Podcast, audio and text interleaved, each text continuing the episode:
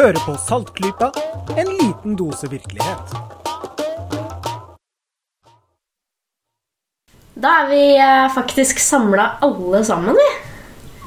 Få høre dere, alle sammen. Hallo Vi har kommet til episode 100, endelig.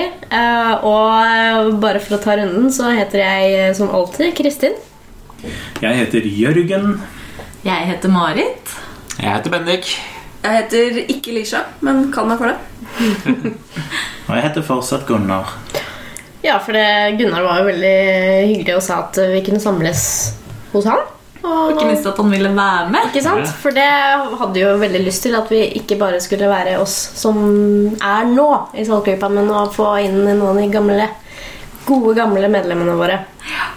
Eh, Andreas hadde også veldig, veldig lyst til å være her, men uh, hvor er han blitt av, tro? Han er på TV.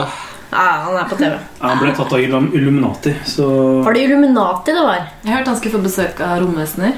Det var noe veldig merkelig lys i natt over den delen av byen. Ok. Ja, Det høres i hvert fall ut som han hadde veldig gode grunner, så vi får få han inn på eh, en oppdatering når han har tid. Det syns jeg. Vi er egentlig samlet her i dag for å For å slippe å synke, sånn som, sånn som Bendik pleier å gjøre. Sånn at vi slipper å For så, sånn vi pleier å ta opp, da, da tar vi opp hver vårt lydspor, og så sitter vi på hver vår maskin i hvert vårt hjem. Det er masse masse arbeid å fikse opp i ettertid. altså. Det gir bra lyd, men det er mye mye arbeid. På den måten her så slipper jeg alt det der. Ja. Og så er det desto hyggeligere å kunne treffes, spesielt når det er en uh, hyggelig anledning. For vi En minnerik. minnerik anledning. For det er jo faktisk sånn at det er eh, nesten fem år siden vi starta. Ja, er... Hvordan var det dette begynte? Det er jo helt vilt lenge siden. Jo, øh, det husker jeg. Jeg prøvde å grave opp Det, det, skjedde, begynte på Twitter, faktisk. øh, Av alle steder. Eh, Jeg prøvde å grave den opp tidligere, men Twitters historikk for meg gikk ikke så langt tilbake. Men jeg husker det veldig godt. Eh, Det var sensommeren, tidlig høst, ca. i 2010. Når da Andreas og Gunnar hadde en konversasjon om Twitter Nei, om skepsis på Twitter. Eh, Andreas eh, drev og lette etter noen skepsisrelaterte linker og, og informasjon. Han hadde akkurat snubla over Gunnar sin blogg, som allerede da var i full fyr og flamme. Eh, ble kjent med Vita Pro især. Det er lenge siden nå, det. Vitafrø, ja. de Eh, fins fortsatt. de fins fortsatt. Masse reklame på svensk TV4 nå i vinter. Jeg har til og med sett en, en plantegjødselreklame som spiller på den, men heter Vita Gro. Vita Grow. Det synes jeg var kjempeteit. Sånn speaking of Vitapro, jeg har faktisk vært på besøk hos dem. Fordi Vitapro er kunde av det firmaet som jeg jobber for. Og jeg er kundekontakt for dem. Verden er liten. Verden er veldig liten. Ja, men det er kost. Jeg har ikke røpt for dem eh, min rolle i alt dette her. But anyway eh, da tror jeg vi raskt hadde mistet den kontoen. Cirka 20 minutter til hver tar vi episode i dag. Ja. Din rolle i at Gunnar blogget om dem, mener du? Nei, min rolle i eh, skepsisbevegelsen og eh, den eh, tynen de har fått fra vår del av samfunnet. Og din virkelige oppfatning om dem og deres Og min aktiviteter. virkelige oppfatning av deres produkt. But anyway, I digress. Det er godt mulig at man må til å redigere bort dette her etterpå. Eller ikke. Eller ikke. Eh, Sannsynligvis. Det var Andreas og Gunnar som hadde en liten eh, konversasjon på Twitter om eh, noen skepsisressurser, skepsislinker. Som sagt, Andreas hadde nylig snublet over bloggen til Gunnar, som selv da og nå er en kanonkul ressurs for alt skepsisrelatert. Og så var det bare Andrea som kommenterte til Gunnar i en sånn offhanded comment at det burde vært en podkast om dette her. Og det leste jeg, og tenkte ja, det burde det. Så da neste gang jeg traff Gunnar, eh, så tok jeg han til side og sa Du, eh, Andreas nevnte noe på Twitter-feeden. Eh, Jeg har veldig lyst til å starte den podkasten, jeg. Og da sa Gunnar ja. Det er en god idé. Jeg skal ikke prøve å etterligne dialekten din. Eh, Det er god Nei, jeg, Det var det jeg ikke skulle. Eh, og så begynte vi å trekke i noen tråder og begynne å tenke brainstorme bitte litt hvem som eventuelt kunne være med. Da hadde skeptikerbevegelsen i Norge akkurat liksom startet opp. Det var vel våren 2010. Den Det er ikke riktig riktig grad- på skeptikerbevegelsen han starta opp, men han har fått en ny giv. Ja, ny giv, ja. eh, sånn, den, den hadde jo liksom Foreningen Skepsis ble jo stifta på 80-tallet. Og så sov den veldig godt i Og så sov den veldig godt. Mens fra vårt synspunkt så starta jo skepsis i Norge Det var vel våren 2010. Ja, jeg, jeg tror all, 29? allerede 29, så, altså 2009 så drev jeg og lurka inn på forum. Ok, og 29, sånn ett år, ja. Og så plutselig så så jeg på Tam London i 2009. yes. Var det 2009, da? Det Ja, 2009 og 2010. Men det hele begynte jo egentlig på Skeptikertreffene, som begynte da våren 2009. Det Ja, som eh, takk. i dag heter Skeptikere på puben Oslo. For å være Ja. Fordi det var da Anne Vedø i sin tid som satte opp de. Ja. Og jeg fant selv de gjennom bloggen til Gunnar, faktisk. Så ja, for vi fant de, og vi begynte, de fleste av oss begynte å gå på de. Og så traff vi hverandre, og da Til og med jeg til og med Kristin, som den lille personen hun er, Ja. klarte å, å bli sett der. Jeg eh, ble med jeg husker når vi skulle på kinovisning. Vi skulle se på The Men Who Stare at Goats. Det var første gang jeg turte å være med på Mm. Skeptikere. For da kunne jeg bare sitte helt stille. det var januar rett frem. 2010. Det Ja. var liksom, da var jeg out. Men jeg hadde jo vært som sagt på Tam London i 2009, og da, da det var mitt vekkelsesmoment. Da skulle jeg redde verden når jeg kom hjem. Ja, altså, Sånn er det. så, ja, så etter at vi hadde gått på Skeptikere på puben i, i ca. et år, så begynte vi å tenke, tenke podkast. At uh, vi hadde jo masse engelskspråklige podkaster, som Skeptics Guide og Skepticality og Skeptoid og alt det der, der men ingen som tok for seg norsk. Og Det nærmeste var vel Uillustrert vitenskap, som er en sånn pop-hvit eh, studentpodkast, som som var veldig god. Veldig Og vi la merke til den svenske som het Skeptikerpodden. At den jo hadde veldig mange lyttere i Norge. Ja. Og da tenkte jeg at når folk er villige til å høre på svensk for å få sine lokale skeptikernyheter, så, så må de i hvert fall gidde å høre på en norsk en.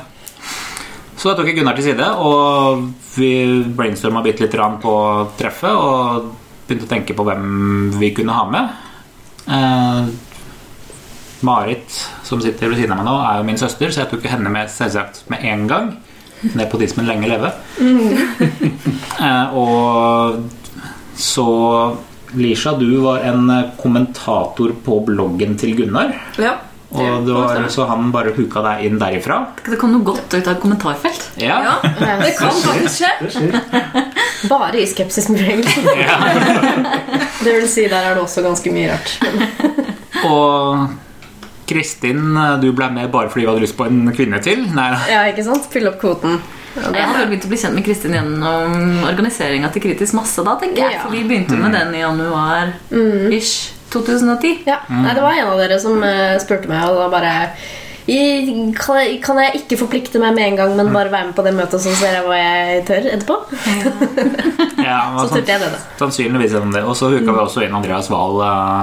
Ja, Han var jo en av de som klekka ut dette her. Siden han tross alt da var en founding father, nesten. eh, Siden han Han trigga jo det hele med tweeten sin. Ja, han kunne jo ikke slippe unna. Nei, så Nei, vi måtte straffe han, han litt Ja.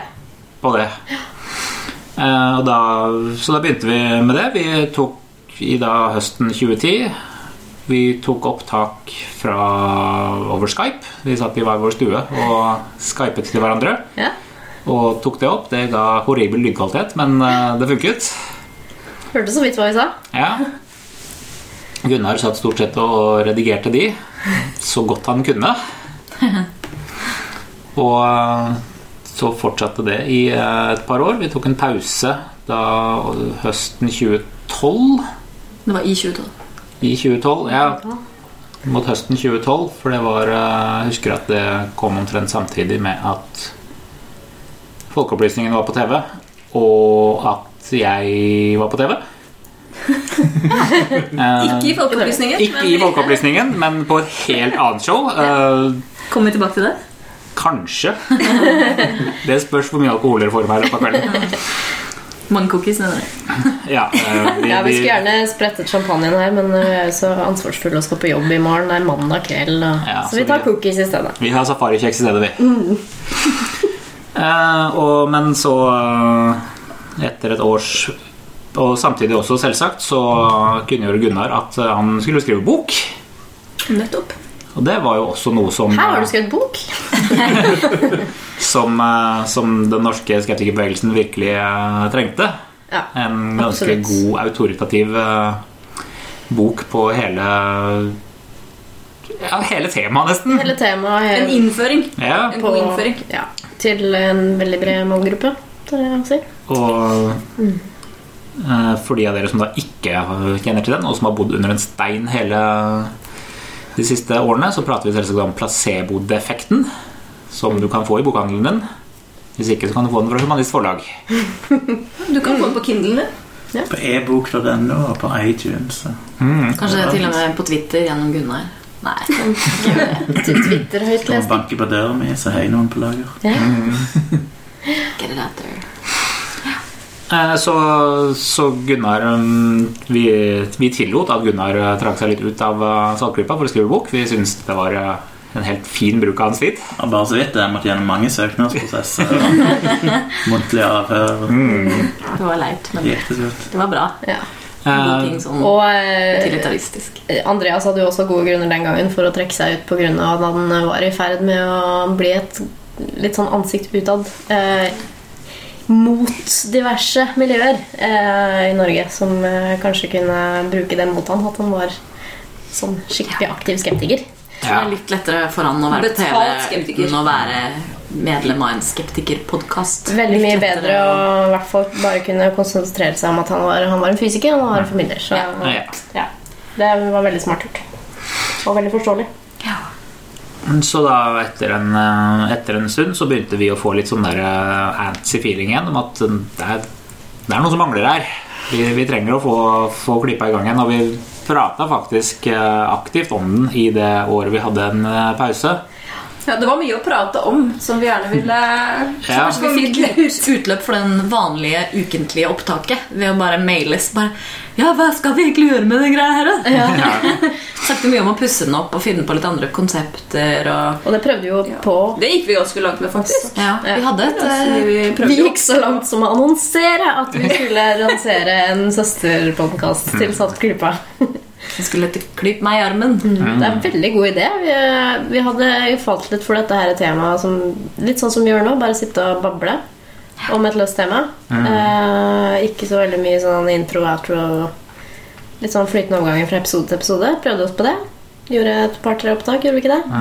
Litt sånn med, med fare for å stjele et begrep som noen andre bruker, men som jeg også har tenkt at det ville vært. Det var et digresjonsmaraton. Et digresjonsmaraton, rett og slett. Ja. Så den, den kom jo aldri på lufta, da. Det gjorde den ikke. Da ligger den og sover. Ja. Hviler og venter. Så, så, men vi fikk uh, stabla oss på beina igjen, og da rekrutterte vi inn eh, en ny person. Eh, Marit hadde jo da, driver også og jobber aktivt med noe som er litt viktigere enn en podkast i mange uker. Hun uh, Masteroppgave. blir master i uh, Hva er det du blir master i nå? Tverrfaglig bullshit. Nei. Du hørte det her først. og vi, vi håper at uh, veilederen til Marit ikke hører på dette her. Jeg skriver om alternativ medisin i Norge, så det er ikke bare Det handler jo om uh, Men, ting, da. men da for at det er grunnen til at uh, dere hører bare Marit sporadisk i de ukentlige episodene. Uh, at Marit er busy og jobber med masteren sin, Ja. og det skal hun selvsagt få lov til. Marit er eh, vår tilbakevendende maskot. Ja. Jeg hadde færre søknadsrunder enn Gunnar. For da Det var lettere å miste Du var litt mer sånn lettere å miste Nei! Det var det det er når du trenger færre søknader. Da. Marit var, er var mer glad i meg. At det var liksom sånn, nei. Men uansett, da fikk vi jo fantastiske Jørgen inn på laget. Jo! Jeg har bare sluppet noen få hint om at jeg hadde lyst til å være med. Stort, større podkastfanatiker sånn overall tror jeg du skal lete lenge etter. Jeg tror jeg sånn i snitt hører to timer podkast hver dag. Ja, Og da det har jeg- kjent ut. Da har jeg måttet eh, ignorere noen som sier at nei, det er ikke så viktig, jeg kan kutte ut den. liksom og, Så ja, Og har tenkt masse på at jeg skulle starte opp egen podkast en stund. Uh, Innen mitt eget felt, arkeologi. Men det har jo aldri blitt noe overskudd til å gjøre. Så da jeg eh, hadde fått dere til å spørre meg, så var det veldig lett å si ja takk, jeg blir gjerne med. Og det er veldig bra. Det er jeg veldig glad for. Jørgen har vært en veldig stor ressurs, og sikkert noen som også har merket at lydkvaliteten har blitt bedre etter at Jørgen er med. Ja. Han Jeg jo er litt opptatt av lydkvalitet, så jeg har mast litt på de andre. Han er en av oss som har aller finest mikrofon. Den er veldig fancy og rund og fin. Mm. Skulle hatt en sånn. Ja, det er lys på den, til og med. Det er lys Oi, på den til og med. Men folkens, vi har jo drevet med det her i sånn fem år nå. Hva syns dere vi har klart nå? Er dere fornøyde med det vi har drevet med? Nei.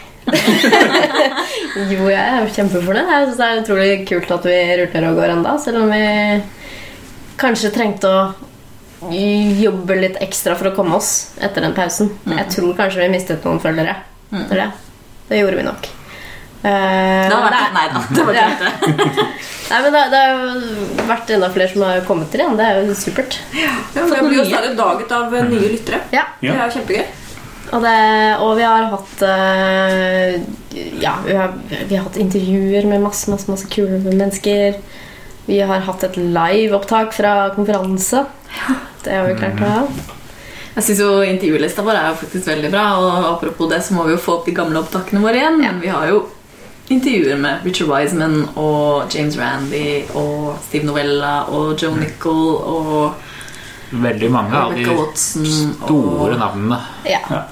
Phil Plate. Ja, opptil flere. Var det du som klarte å få med Phil Plate da, kanskje, Marit? Vi har Phil Plate, i hvert fall. Og Ben Radford, som snakket om spøkelsesjakt. Og Ja, stemmer og det. det er mye gammelt gull i arkivet. Okay. Mm. Ja, Så vi har jo ikke tenkt å kaste det. Nei. Absolutt ikke. Nei. Og Dawkins har vi vel spilt av. Mm, ja, jeg tror vi har spilt av. Det er liksom sånn Nei, snakka vi med Dawkins? Jeg husker. Det er så mange av dem. Mar- Forsvinner. Richard Dawkins og Marit de er på fornavn med hverandre. De kjenner hverandre igjen. Så Dick! Jeg har helt seriøst telefonnummeret hans. Ja, vi har begge telefonnummer til Uri Geller. det er nesten kulere. Det hadde vært eh, noen gode dager. Det er det. Ja. Jeg vet ikke om vi skal eh, altså, Nå som vi har, er 100 episoder inn, eh, er det, er det på tide å liksom reintrodusere oss selv litt? kanskje?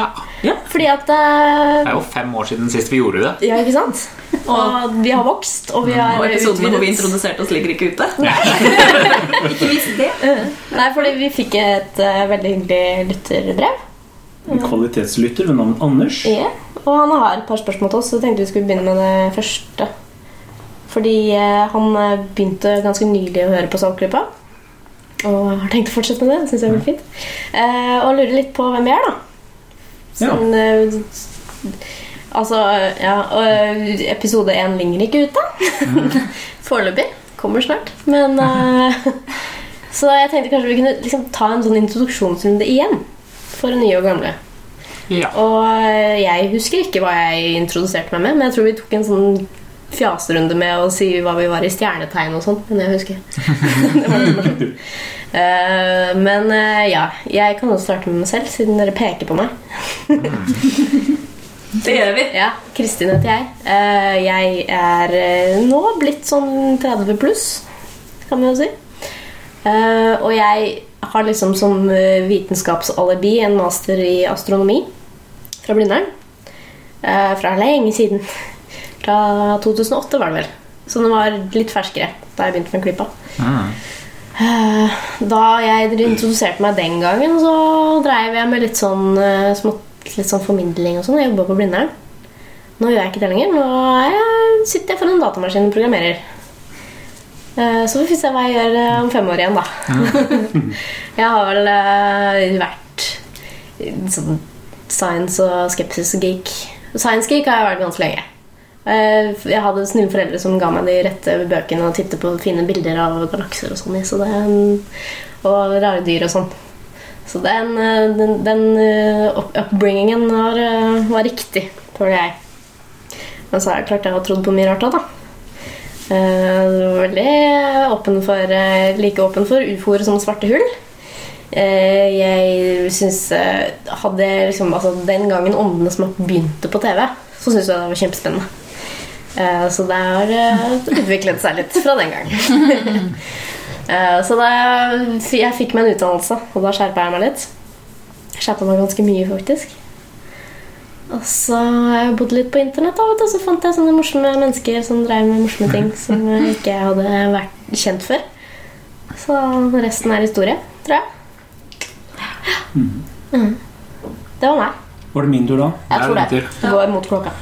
Ja, jeg heter Jørgen, er en underbetalt grøftegraver, også kjent som arkeolog. Eh, hoppet i sin tid av en eh, stormende lukrativ karriere som datamann for å jobbe med kulturfag. Eh, nå har jeg endelig begynt å tjene penger, mer enn 20 år senere. Eh, 44 år. Eh, ja. Har alltid brent for formidling innen faget mitt arkeologi. Og har drevet mye med det. Og nå har jeg omsider omsider fått fast jobb. Det skjedde i høst. Hurra! Det er ultimate voksenpoeng. Ja, det makan. Uh, nei, hva mer er det å si? Ja. Jeg har vært eh, mer eller mindre skeptiker mesteparten av livet. Ble med i Foreningen Skepsis i 98 eller noe sånt nå. Den gangen de var relativt sovende.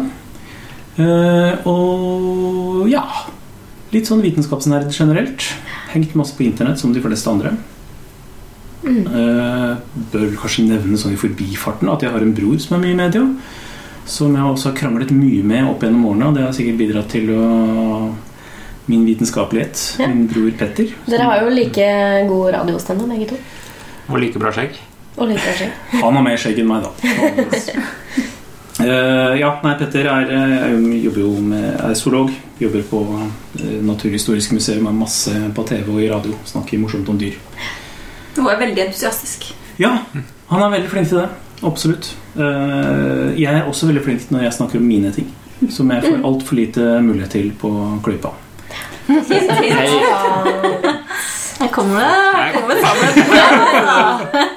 Jeg føler meg så truffet her nå. jeg. Men Nei, det er så sjelden at, eh, at jobben min eh, er aktuell å bruke og Saltklypa. Jeg mener jeg husker en gammel episode der du, fikk, der du ble intervjua og fikk prate veldig mye om faget ditt. Ja, jeg husker ikke hva det handlet om. Jo, jo det var myter om vikinger, ja. Ja. Det er et av favorittemaene mine. Mm. Men du vet, eh, altså jeg, jeg, jeg er jo amatør innen romfart, men jeg pleier å ha sånn romfartshjørne innimellom. Bare snike meg til. Da kan du ha litt sånn faktisk proff arkeologhjørne Ja, innimellom. Ja, kanskje det det. er. Mm. Altså, du du er jo redaksjonsmedlem nå, så du har jo faktisk lov til å uttrykke Ja. hva du vil si, Ja rett og slett. Det som er litt problemet er at Jeg har jo drømt om å bli med i Klypa. Da var liksom, Jeg hadde egentlig veldig god tid. Jeg var fortsatt student eller deltidsarbeidende en periode. Og idet jeg ble med, da begynte jeg liksom å få ordentlig med jobb, og det begynte å bli familie og greier. Så da, etter det har jeg ikke hatt tid, egentlig. Så det er din egen feil, er det du prøver å si. Så når ungen flytter ut, da Da, og himmel og hav, da skal Klypa bli bra. Episode nummer 1244. Da kan dere forvente dere en knakende god episode fra Jørgen. Oh yes. Herlig. Jeg tror det er din tur, Marit. Ok, ja. Um, ja, da vi begynte med Klypa, da var jeg også litt sånn nyfrelst skeptiker. Jeg hadde da som nevnt gått på første skeptikertreff i sånn våren 2009, og så var vi på, på Tam London i høsten 2009, og så begynte vi jo med å organisere kritisk masse våren 2010.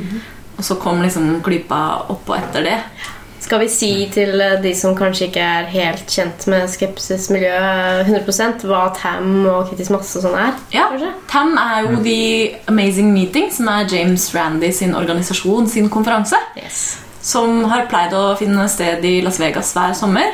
ehm, de siste ti årene omtrent.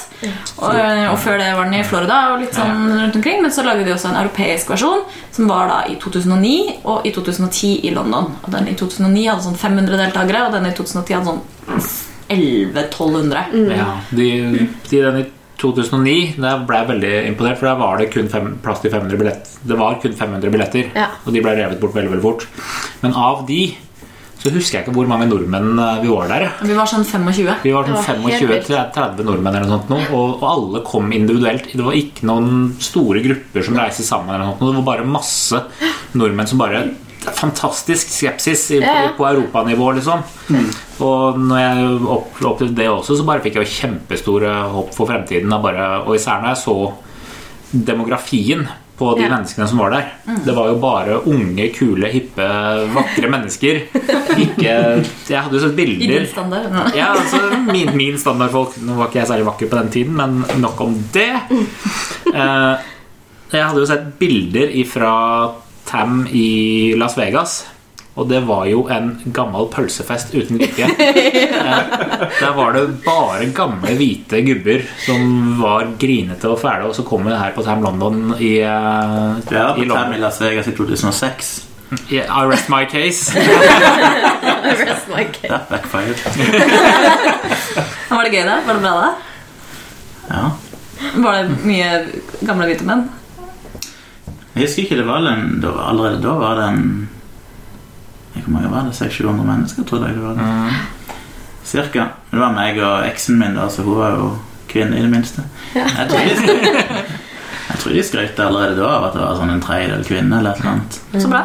Ja, Sam London var uh, sånn ca. 50% etter mine estimater, og også veldig mange unge. Og også veldig mange med minoritetsbakgrunn. Ja. Mm. Men nå avbrøt jeg deg, Marit, så fortsett. Ja, fordi eh, vi ble litt inspirert av.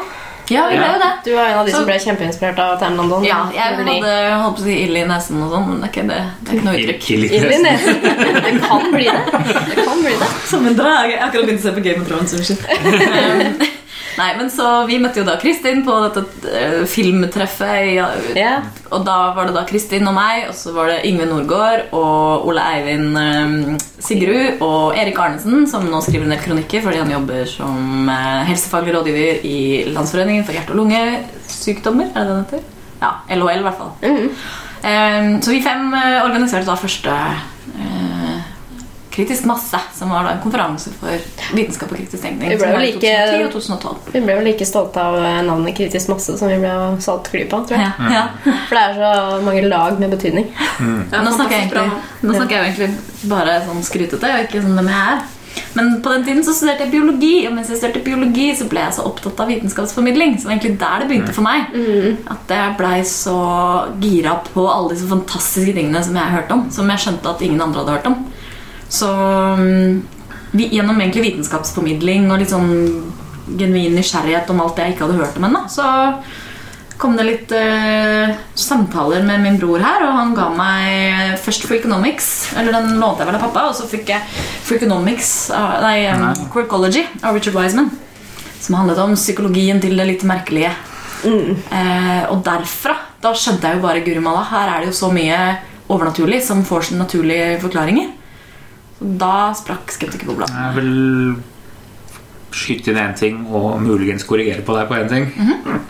Det ene er jo Jeg vil jo ta min del av æren for å gjøre deg til den du er, selvsagt. Fordi sånn må jeg jo gjøre. Du har jo alltid sagt at en av grunnene til at du er eh, så smart, er jo fordi du har veldig mange smartere storesøsken Smartere.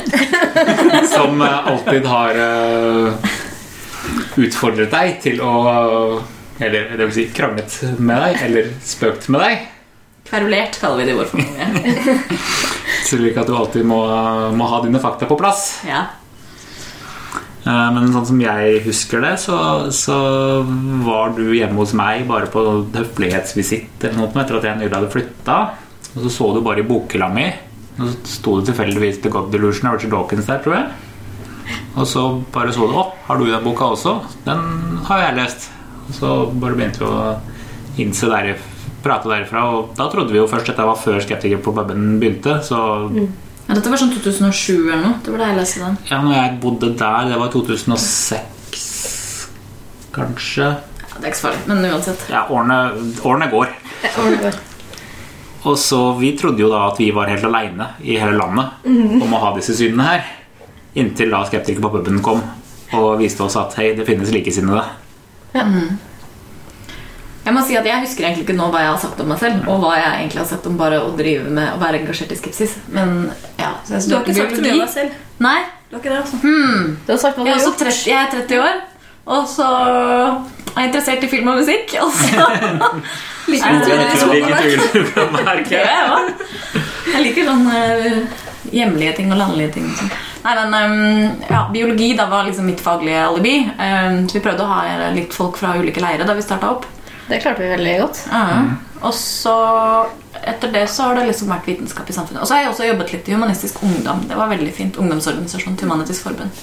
Så jeg er humanist ateist og alt sånt. Ja. Og så har du krona til skepsisdronning òg, du et år. Så Jeg gjorde det, eget. ja. Du var jo faktisk leder av Skepsis når det ble nyoppstarta, si.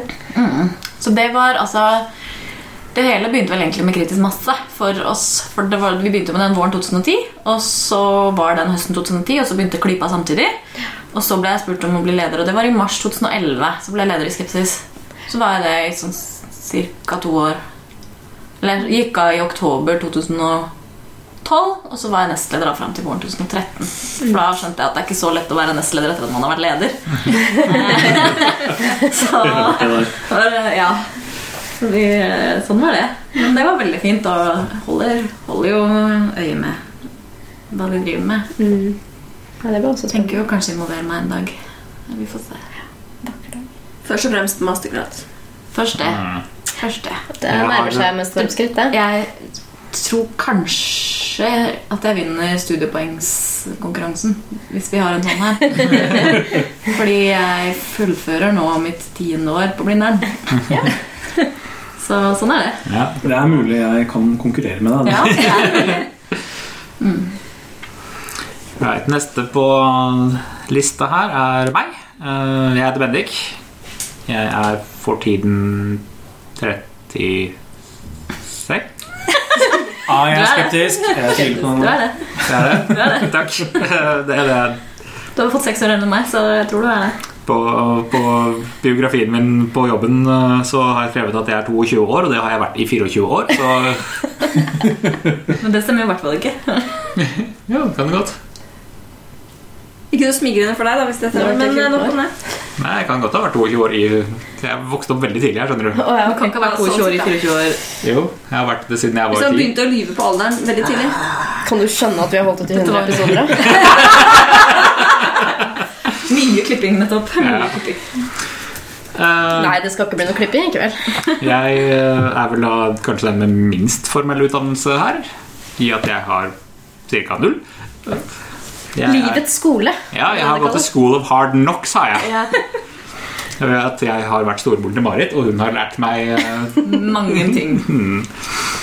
Nei, uh, jeg er datamann av yrke, egentlig. Så ganske teknisk av meg. Jeg står for den- det meste av det tekniske bak uh, Saltklypa for tiden. Eh, til daglig så jobber jeg for et IT- og telekomselskap. Som jeg ikke skal navngi, siden jeg tror jeg har navngitt en av kundene våre tidligere i episoden. Eh, og trives egentlig veldig godt med det i mobilbransjen. Til daglig så er jeg en, en teknologinerd. Liker å mekke på ting og programmere litt på ting, og er den type nerd. Eh, ellers så hadde jeg min store oppvåkning i 2006, tror jeg. Eh, Når jeg leste en eller annen teknologiblogg som linka til en av James Randy sine sider. Eh, For han hadde en sånn ukentlig roundup av her er noen synske som har spådd noe, se hvor mye de feila. Og det synes jeg var ustyrtelig morsomt. Jeg husker jeg, jeg Bare for å avbryte jeg, jeg, Det er stolt av den dag i dag. Det var jeg som brakte eh, Märtha og englene hennes til JRF. Jeg sendte inn til det der nyhetsbrevet. Wow. Da sier det er jo halve Norge, men eh, det var meg de siterte. Mm. Så det var, eh, det var den gangen det nyhetsbrevet Ja. kom. Det. Før, jeg. Før den tid, så Når jeg var, når jeg var barn, så, så bodde vi over gata for en kirkegård. Og alltid når jeg nevnte det for mine venner og bekjente, så spurte de alltid om er du ikke redd for spøkelser og sånt. Og, men det kunne jeg bare si nei, fordi vi alle vet at, vet jo egentlig at det er jo ikke spøkelser på kirkegård. For spøkelser de kommer der hvor folk dør, ikke der hvor folk blir begravd. Kirkegård er det bare zombier. På kirkegård kan det være zombier, men på den tiden så hadde ikke zombier blitt så populære som de er nå, så ingen tenkte på de. Og jeg visste jo at uh, kirkegårder har ett spøkelse på seg, og det er den første personen som blir gravlagt der, som er liksom kirkegårdens vokter. Så han prøvde jeg å se en gang iblant, da. Men uh, Nei, så jeg, så jeg likte å lese ting om Ja. det, og da, da leste jeg liksom Rupert Sheldrake-lignende ting for å prøve å få informasjon, da. Jeg, så jeg var jo kunnskapssøkende og sånn. Det var bare det at kildene mine var helt på bærtur. Og, Sånn er det. og sånn er det. Uh, og sånn er det sikkert for oss mange. Det, det virket autoritativt på en, uh, på en ung, liten Bendik som uh, satt i kjellerstua hjemme på Høybråten og, og leste bøker om spøkelser. Og, eller leste egentlig alt hva jeg kunne komme over, og deriblant en bok eller to om spøkelser. Og så, ja, så bare fortsatte det. Jeg tenkte egentlig aldri noe, noe over det. Eh, jeg har en 100% vinnrate i Lotto. Og det var Da spilte jeg Lotto fordi horoskopet mitt anbefalte meg å spille i Lotto. Ja. det er bare å fortsette. ja. Jeg vant 53 kroner Wow. Damn. eh, på innskudd av 20 kroner, eller noe sånt, så jeg gikk i pluss. Eh, Jeg har siden aldri spilt i Lotto, for jeg innså at jeg verdsatte mye mer å ha 100% vinnrate enn faktisk å drive og vinne mer. Eh, nei, så det, jeg gikk liksom bare ut ifra at dette var autoritativt, så det stemte sikkert. Men da etter hvert som, som jeg ble eldre, når jeg snublet over James Randy sin side især, så begynte jeg å innse at nei, dette her er jo bullshit. Nå har noen virkelig tråkka i salaten her. Ja, og så da begynte vi å gå på Skeptiker på puben og begynte å danne et nettverk her og starta podkast. Og gjennom podkasten har jeg fått intervjua mange spennende personer og satt meg i mange kule temaer. Vi uh, fikk æren av å holde foredrag en uh, liten stund i 2012. Eh, og det var gøy å være en autoritet på et eh, felt. Men resten kan dere egentlig høre i, i de tidligere episodene. Men si noe om det om å vokse opp over veien for kirkegård. Jeg tror det var så utrolig bra sånn normaliserende ting. Altså, Jeg også hadde en venninne som hver gang hun overnattet hos meg, så måtte vi lese en sånn tøysete spøkelsesbok så hun kunne roe seg ned. liksom For hun syntes det var skummelt. Hun trodde på spøkelser og syntes det var litt ekkelt. at det, det var etter veien Men jeg gikk jo over der når jeg var på ICT-banen og liksom kunne jo leke der og sånn. Så jeg hadde faktisk Dette er helt sant, jeg hadde faktisk 16-årsbursdagen min på kirkegården. Jeg har bursdagen min på sommeren, så vi hadde piknik. Eh, Vi satt da på en del av kirkegården hvor du ikke kan se noen graver. Det bare er liksom sånn Rolling Hills-grøntområde. grønt område.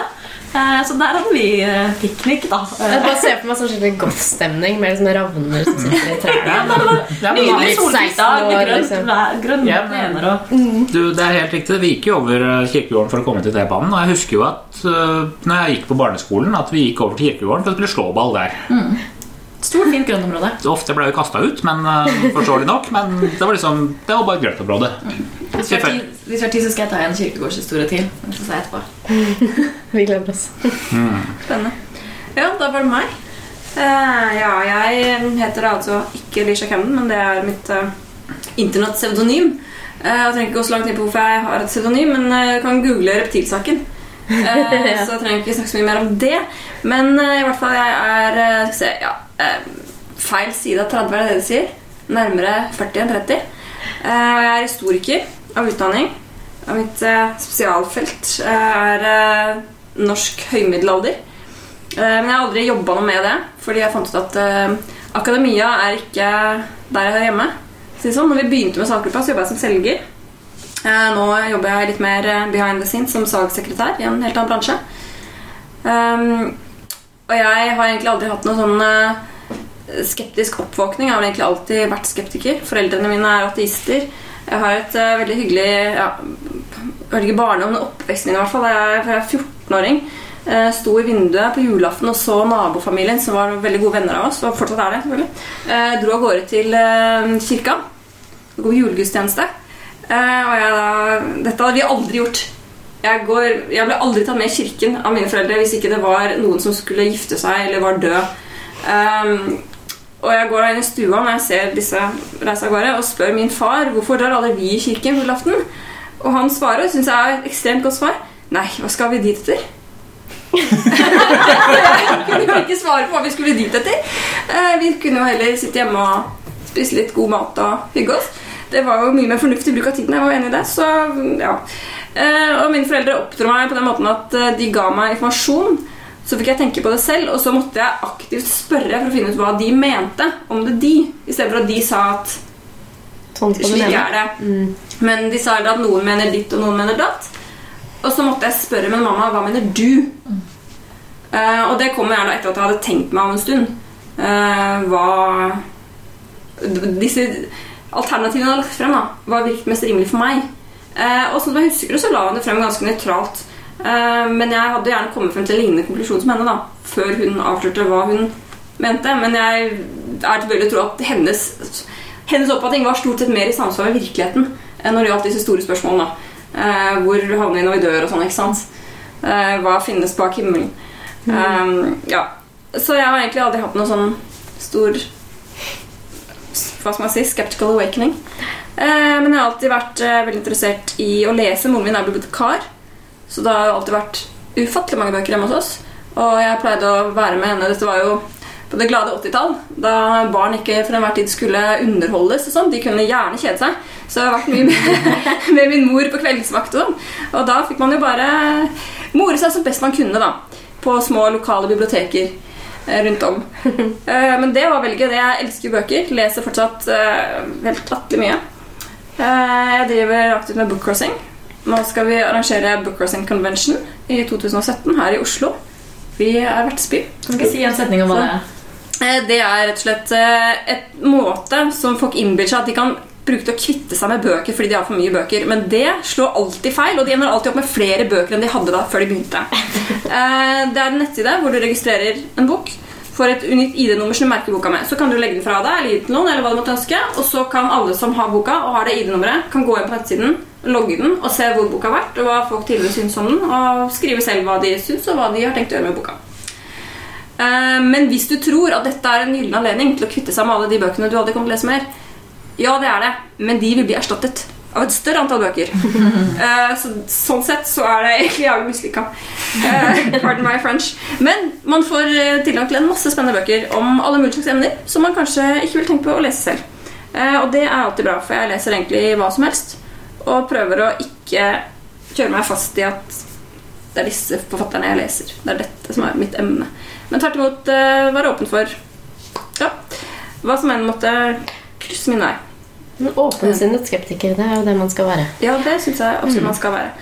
Uh, ja, nei, Jeg har egentlig aldri trodd på noen eh, sånne rare ting som ufoer. og sånt noe. Det mest aparte, det som folk flest tviler på, det jeg tror på, er at eh, Keanu Reeves er en god skuespiller. Det står jeg for. Der tar du helt feil. Helt feil. Det her så kan vi forske for lenge. Uh, og jeg stiller meg gjerne til disposisjon for forskningen på dette feltet. Uh, men ja, jeg, det er det jeg mener, og det står jeg for. Eh, ellers er jeg glad i dyr og glad i reise og glad i turer skog og mark. Eh, dessverre litt lat.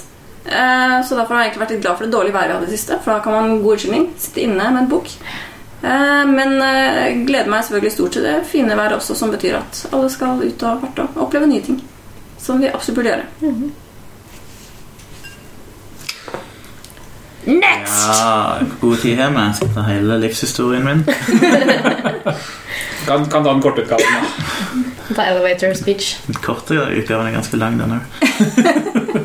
Nei, jeg har vel alltid vært skeptiker på et vis. Um, Min far var biolog, så jeg har alltid seilt siden jeg var liten syntes det var gøy å lære om ting og forstå ting og spørre han om alt mulig. Men jeg vokste jo opp eh, midt i bibelbeltet, så jeg var jo, kalte meg jo kristen egentlig hele min oppvekst. Jeg har alltid jobba mye innenfor kirka. Med ungdomsarbeid og musikk og alt mulig sånn. Så jeg innbilte meg å være kristen, men jeg hørte jo alle sånne her eh, vitnesbyrdene og andaktene når de snakka om hvordan folk hadde kjent Den hellige ånd. Og jeg klarte aldri å, å, Jeg følte jo aldri det, da. Jeg følte jo aldri Gud. Så min eh, oppvåkning sånn skeptisk sett er vel egentlig mer en sånn oppvåkning til ateisme, egentlig. For det var vel skeptikeren i meg som gjorde at jeg alltid hadde stilt spørsmål. Og det som egentlig skuffa meg, som jeg ofte har sagt, det var at Det som gjorde at jeg egentlig ville vekk fra den der kristne greia, det var at det var, jeg følte det var sånn et overgrep mot mitt intellekt. For det alle sånne svar var ja, nei, jorda var 6000 år gammel. Ja, Hvordan forklarer du dinosaurfossiler? Nei, de ble skapt av Gud i jorda sånn som de var. Eller nei, egentlig har alt skjedd i løpet av 6000 år. Så det, det bare skjedde mye fortere enn det vi trodde. ikke sant? Det var alle sånne dårlige svar som jeg som tenåring skjønte at dette her er jo bare tull. Og det skuffa meg så at ikke de heller kunne prøve å gi skikkelige svar. Ikke litt på en måte undervurderte menigheten så til de grader. De måtte jo skjønne at vi tenker jo sjøl. Så det var egentlig Da begynte jeg å tvile på et eller annet tidspunkt. Og så husker jeg jo at jeg var inne på, på ja, det begynte vel i ja, Dette var på slutten av 90-tallet. Jeg begynte sånn virkelig å tenke at jeg er jo egentlig ikke kristen. Jeg tror egentlig ikke på Gud.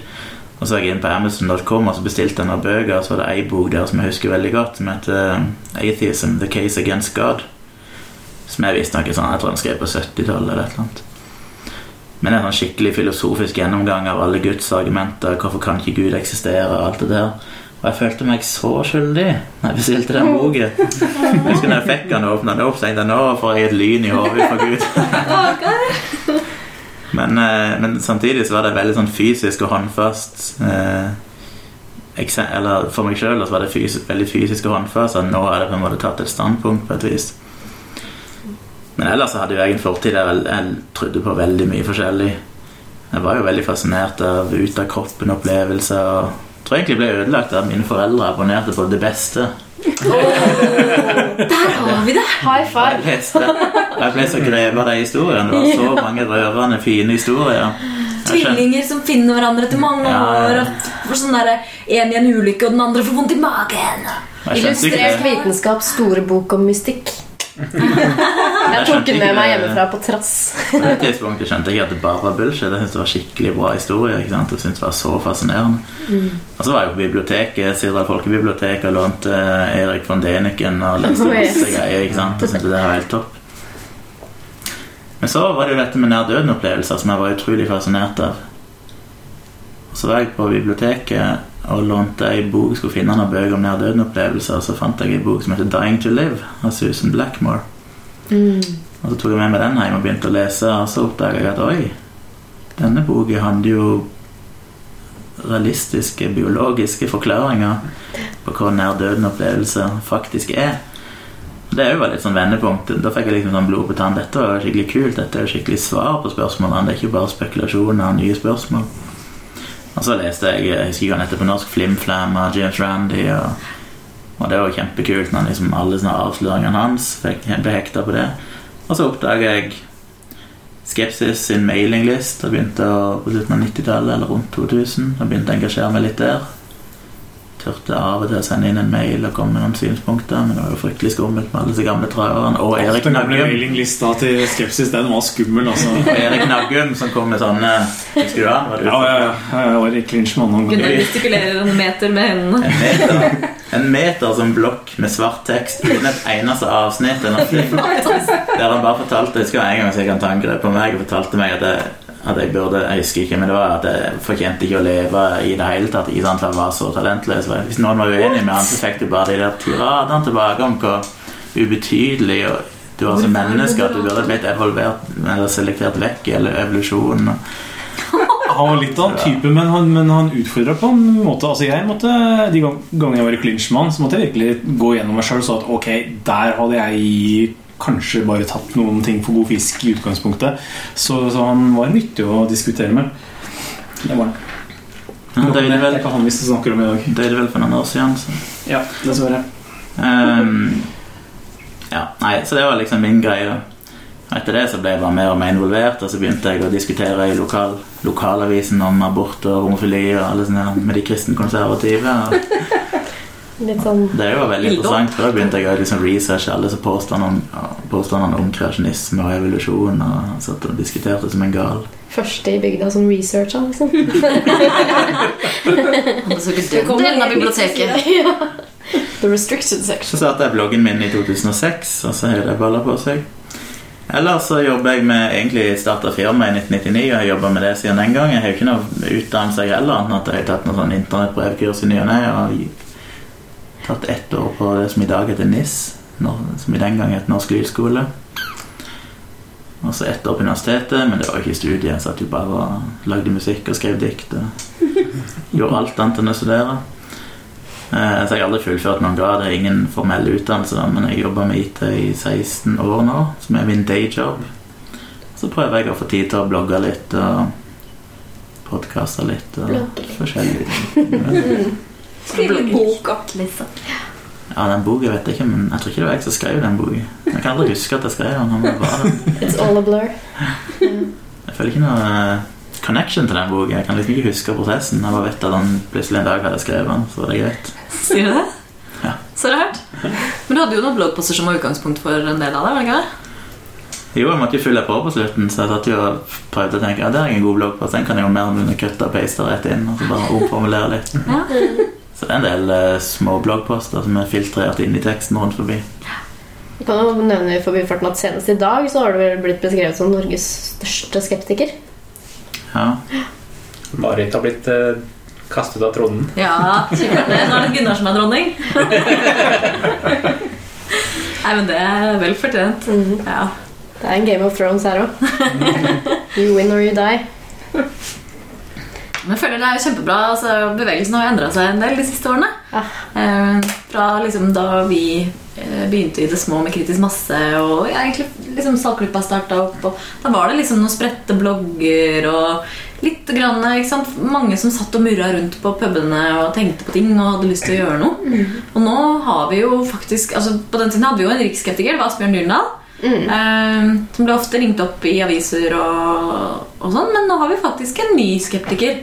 Jeg tror faktisk du er mye mer synlig enn det Asbjørn noen gang var. Jeg føler han oftest blir liksom ringt til, og så setter de han liksom en sånn token skeptic-linje nederst i avisen. Sånn Professor i uh, Nei, førsteamanuensis i religionshistorie ved NTNU sier at dette er bare tull. Mens Gunnar får liksom fjeset sitt over forsiden av Dagbladet, eller front, da, på nett og sånn. Men tiden har jo endra seg veldig. Ja. Jeg tror Asbjørn er kjempeglad for at han slipper å, å ta det, skjønte jeg. For han slutta egentlig med skepsisbloggen òg når jeg, min blogg nådde en viss størrelse. For da følte han jo at for ikke disse to stykker gjorde det samme. Men ja, det har blitt, uh, blitt bedre, det. liksom, For nå har vi den, og den er jo hos Nettavisen, og det er jo stor, uh, Ja, er stor publikasjon bak seg. Og vi er her og er landsdekkende, eller worldwide. For den som Ganske vil små, da. Ja, vi er, vi er ganske små, egentlig. Men vi er tilgjengelige. Folkeopplysningen har, uh, har vært på TV i to sesonger. Det er jo en av de beste Eh, suksesshistoriene. Og når Märtha kommer med engleskolen sin, så kom det faktisk kritikk fra mediene. Liksom, jeg vil si Det har litt, kommet litt grann, eh, backlash, eller litt grann, blitt litt mer synlig. At det er eh, ok å stille spørsmål ved svada. Det synes jeg er en veldig interessant utvikling i, i mediene og nettaviser og sånn. At eh, du ser hvor mye altså, At kritisk tenkning bare sneket seg frem og blitt litt mer poppis i mediene. Det Ja, jeg tror jo det er mye liksom et pragmatisk formidlingsarbeid som har vært gjort av skeptikerne. At vi har på en måte begynt å finne kanaler hvor folk faktisk får høre om oss. Ikke bare en lukket e-postliste, f.eks. Eh, ja. Men også spesielt da Gunnar sine bloggdask. Og du har vært veldig konkret liksom, på, på saker. da Som har gjort at de har vært litt lettere for folk å få grep om hva er det egentlig som er kritikkverdig her. Jeg syns det er bedre det at det kommer liksom en ordentlig, ordentlig debunking. Eh, som dukker opp på Nettavisen, for eksempel, ikke sant? som er et, et bloggsvar, enn liksom token skeptic-kommentaren nederst i en avisartikkel. Og som bare slenger med en Wikipedia-link til den, det fenomenet eller effekten som eh, er demonstrert her. At man kommer med konkrete svar istedenfor bare ja, dette er bare Dunning-Kruger, så go ahead. liksom Du har eh, fremdeles disse mer eller mindre kjipe sakene innimellom, hvor du har liksom en eh, intervju med en antivakser, og så får den antivakseren si alt sitt, og så er det ferdig. Men uh, kanskje til forskjell fra før, da, så er back backlashen mot den artikkelen igjen da nesten desto større. Det er jeg inntrykk av. Jeg tror, jeg tror Den jeg skal Hvis bloggen min har gjort noe eh, Og det, det var Asbjørn Dyrendal som starta det, selvfølgelig. Jeg tok jo på en måte stafettpinnen.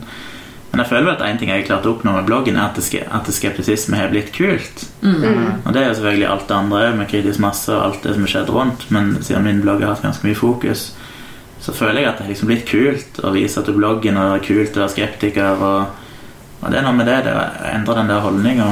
At det liksom faktisk er greit. Og det, får stuerent. ja. Det er liksom Det det er greit. Det er ikke, du er ikke sånn kjempesurpomp eh, Nei nødvendigvis. du, da.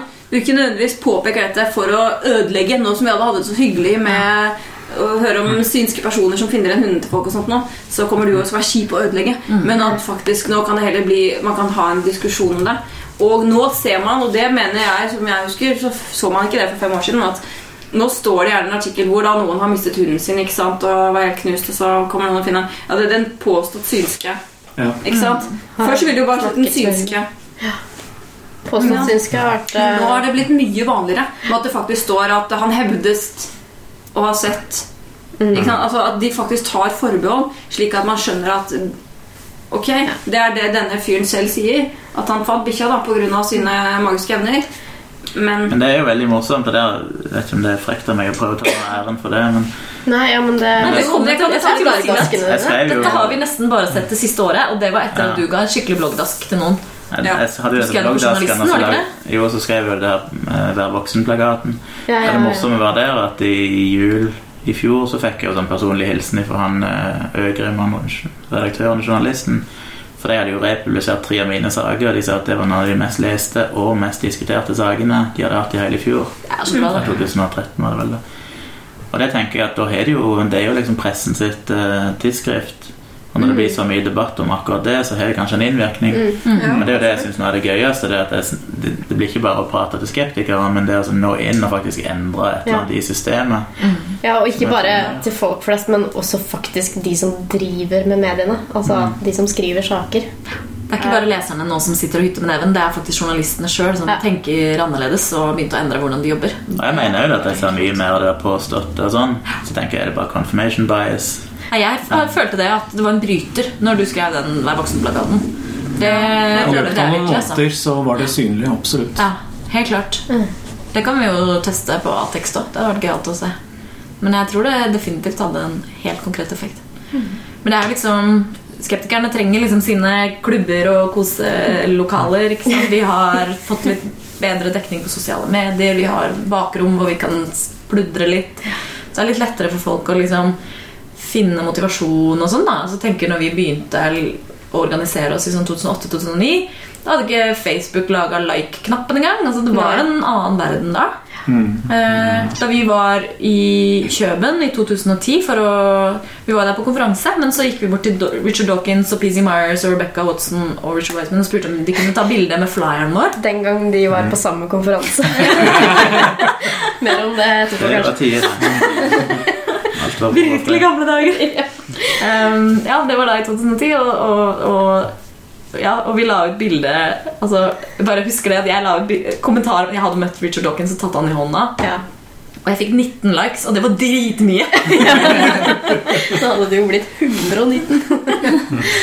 ja, nei, det var, vi var ganske stolte av, eh, av konferansen vår som vi skulle holde til høsten. Og vi var så glade For jeg husker også For det var jo en, eh, en ateistkonferanse, var det ikke det? Det var det. Mm. Uh, I København. Og skeptikerne og ateistmiljøene var liksom ikke helt sånn uh, merga ennå. Det noe overlapp, men Ja, noe eh, overlapp. ikke- Blant annet oss, selvfølgelig. Men, uh, men så, så på den konferansen så gikk vi bort til ganske mange og forklarte hva en skeptiker var. Altså. Det er sant, det. Det var kjempegøy. det, er sant, det hadde jeg Og tenkt. de var liksom interessert i For det var jo altså Grunnen til at vi dro Jeg var, var med, i hvert fall, var jo det at det var ekstra mange av disse skeptikerne som var med der. eh. Ja, jeg Richard dro også Wiseman ned dit og- pga. alle skeptikernavnene som var talere. Mm, Victor Stenger. mm. Han er jo liksom Han er Randy var der. Randy var der. Men det som er trist allikevel, at det, vi har ikke kommet lenger enn at, vi, at eh, hvis du stiller spørsmål ved Snåsamann eller ved klarsynt eller ved dyretolker, så blir du sett på som han, han rare som stiller spørsmål ved det. Og det er helt ufattelig at i 2015 så er det jo faktisk fortsatt legitimt å tro at folk kan snakke telepatisk med dyr. Og hvis du stiller spørsmål med det, så må du på en måte argumentere godt for hvorfor du ikke tror på dette. For de har jo sett det skje sjøl. Og i dag når jeg var i, eh, i radioen, så er jo fortsatt spørsmålet hva er en skeptiker, og så må du forklare det. Så det er litt sånn jeg, prøver, altså jeg pleier å si at alle er jo skeptikere, og det er jo det som er liksom, det er jo ikke noe De spurte om hva er, er du fornøyd med betegnelsen skeptiker. Og det er litt sånn Jeg har ikke noe bedre begrep på det, men det er litt sånn feil, for at alle er jo skeptikere egentlig. Det kommer jo bare an på hvor du legger list. Og Og litt Akkurat som alle er jo ateister. Noen tror på én gud, men da finnes det jo altså 10 000 guder som er akkurat like sannsynlige som den guden de har valgt seg ut. Men bare Du sa at du var på radioen i dag. Kan ikke du si hvilket program det var, så folk kan finne det? Det var på P2, NRK P2-salongen. Det ligger jo som podkast etter hvert, regner jeg med. Ja. Kan. Og datoen i dag er eh, 8. juni. juni. Ja, Så da kan du vinne. legger du ut òg, da. I notatene våre. Ja. Er lettere å huske. Kan prøve å huske. Men uh, den kommentaren der eh, drar så fint videre til neste tingen vi hadde lyst til å prate om. Uh, for å si, hva er en, en skeptiker, eller Fordi siste punktet som vi fikk inn på e-posten, som vi egentlig nesten har dedikert hele episoden til, er jo Hva anbefaler vi av litteratur og ressurser for å liksom get up to speed på skepsis? Og hva skal vi gjøre for å fostre opp en ny eh, Generasjon. en ny generasjon av uh, mythbusters, holdt jeg på å si. Kanskje ta med skeptikerkanonene først, før vi tar fremtidsønskene våre. Ja. Hva er skeptikerkanonen? Altså, det er liksom, sånn som jeg tenker, det er mange navn som liksom, når man følger de, så er det blogger og bøker som er assosiert. Sånn som Gunnar Tjomlid. Vært å google det navnet? Ja, vi, Kom det opp en blogg og noen bøker og vi, vi kan begynne der. Uh, Mye rar motstand. norske ressurser veldig, veldig mye av de ressursene som vi bruker, er jo dessverre på engelsk. Eller ikke eh, Det er veldig, ganske lite på norsk. Ja, Skeptikerbevegelsen har jo sine røtter eh, mye av det er fra USA, egentlig. Ja, det er jo James Randi som står for, eh, for mye av den hele bevegelsen, ja, så har du sånne travere som Joe Nicol og Hva er det disse gubbene heter, da? Joe Nicol eh, Ja, bare for å fortelle hvem han er. Han, Ja. han er en sånn uh, jack of all trades. Han har prøvd å lære seg masse forskjellige ting hele livet. Og har blitt en skikkelig god debunk debunker pga. det. Så han reiser rundt og løser problemer og finner spøkelser og alt mulig sånn. Um, skeptical investigator. Ja. Jeg jobber da for en, en av de amerikanske foreningene som et Center for Inquiry. Og det er jo kanskje det som skiller eh, på en måte skepsis da og nå, hvis det skal være et skille der et sted, er at det, hva en skeptiker bryr seg om, kanskje. For det har vært en sånn litt mer sånn klubb, kanskje. Eh, Da det begynte, så var det litt sånn Det var litt spøkelsesjakt, det var litt Bigfoot. Kanskje litt synskhet. Litt sånne ting da, som man skulle liksom finne cases av, og så debunke det. Ja. så var det liksom fem profesjonelle skeptikere. Det var de som jobba i organisasjonene. Ja, det har jo vært en, eh, en, en skisme inne i eh, skeptikerbevegelsen på om skeptikere liksom kun handler om Bigfoot, ufoer, eh, spøkelser, akupunktur etc. De der vanlige være beviselige, eller om skeptikerne også skal ta for seg samfunnsproblemer. Eh, Og skal ta for seg kjønn, skal de ta for seg liksom alt. Racial segregation. Jeg Ja. kan ikke snakke om sånne ting på norsk. Jeg leser bare på engelsk. Ja, det, det er jo vårt problem. Så vi jeg Skal det gå fall- utover i samfunnsvitenskapen og humaniora også, eller Ja. er det bare realfagsnerds som får lov til å Ja. snakke her? Nå, nå går uh, bevegelsen mot at eh, det skal bevege seg utover i uh, samfunnet og humaniora også. Ja. Skjønt du har en, en gjeng med Nå husker jeg ikke betegnelsen på dem. De har et sånt her navn eh, fra en fyr som var tidlig ute. Eh, men never mind. Ja. Eh, som, som mener at de liksom bare skal ta for seg realfagene og bare spøkelser og akupunktur. Hva godt det har å gjøre for samfunnet at man begrenser eh, Ja. nedslagsfeltet til kritisk tenkning, det kan jeg ikke skjønne, da. Nei, Det er sånn Skepsis det er jo en state of mind. Det er et Eh, verktøy, så det er en Ja, måte så å du tenke må jo Er du skeptiker, så ser du jo på alt. En anerkjennelse av at mennesker egentlig er dumme dyr. ja. Så må man lære seg å leve med det. At vi veldig lett blir lurt både av våre egne sanser og våre egne kognitive funksjoner. Mm. Så det er eh, et verktøysett for å overkomme de begrensningene der. Men la oss returnere til eh, mennesker å google og, eller podkaster og eller bøker. Ja, vi begynner selvsagt med placeboeffekt. Og vi begynner selvsagt med oss selv. Beklager! Hvordan kunne jeg være sånn? Ja, var uproft, men- ja, Og du som lytter på nå, det, du har begynt på riktig sted du er ny. uh, vi begynner selvsagt med oss selv. Hvis du har noen uh, i livet ditt som du mener burde få en eh, liten sprøyte med skepsis inn i armen, så kan du be dem om å abonnere på denne podkasten her. Saltklypa heter vi. Saltklypa.no. Eh, hvis ikke, så kan du gi dem placebo-defekten i julegave Eller bursdagsgave. eller bursdagsgave. Whichever comes first. Eller morsdag, farsdag, navnedag. Ja. Alltid en mulighet. jeg er glad Eller sånn der fiendegave. Sånn der på trass. Gi. Det til en vaksine. Glitchable. Ja, sånn I den gata så har vi også boka 'Skepsis', som ble skrevet og redigert av en del folk i det norske skeptikermiljøet. Eh, redigert av Mona Hide Clausen og Kjetil Hope. Den kommer ut allerede i 2009-2000. Nei, Nei, 11, tror jeg. Det var 11, ja. 11 greit. Ja. Ja. Men øh, Og så har vi jo allerede nevnt Asbjørn Dyrendal. Han er da professor jeg sa det, jeg sa det igjen, gitt. Førsteamanuensis i religionshistorie.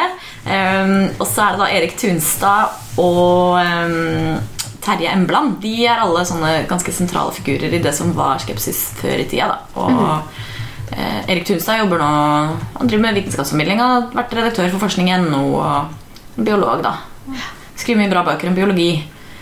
Um, det, og og um, Kjetil Hope uh, Hvis man googler ham Kjetil Hope, Hope Sankt Human har, heter bloggen hans Han har en liste over norske skeptikere Som eh, jeg ikke husker hva han har titulert ennå. Det er en sånn skeptikerhelter eller Fornuftens fanebærere, er det ikke det? Fornuftens fanebærere. Mm.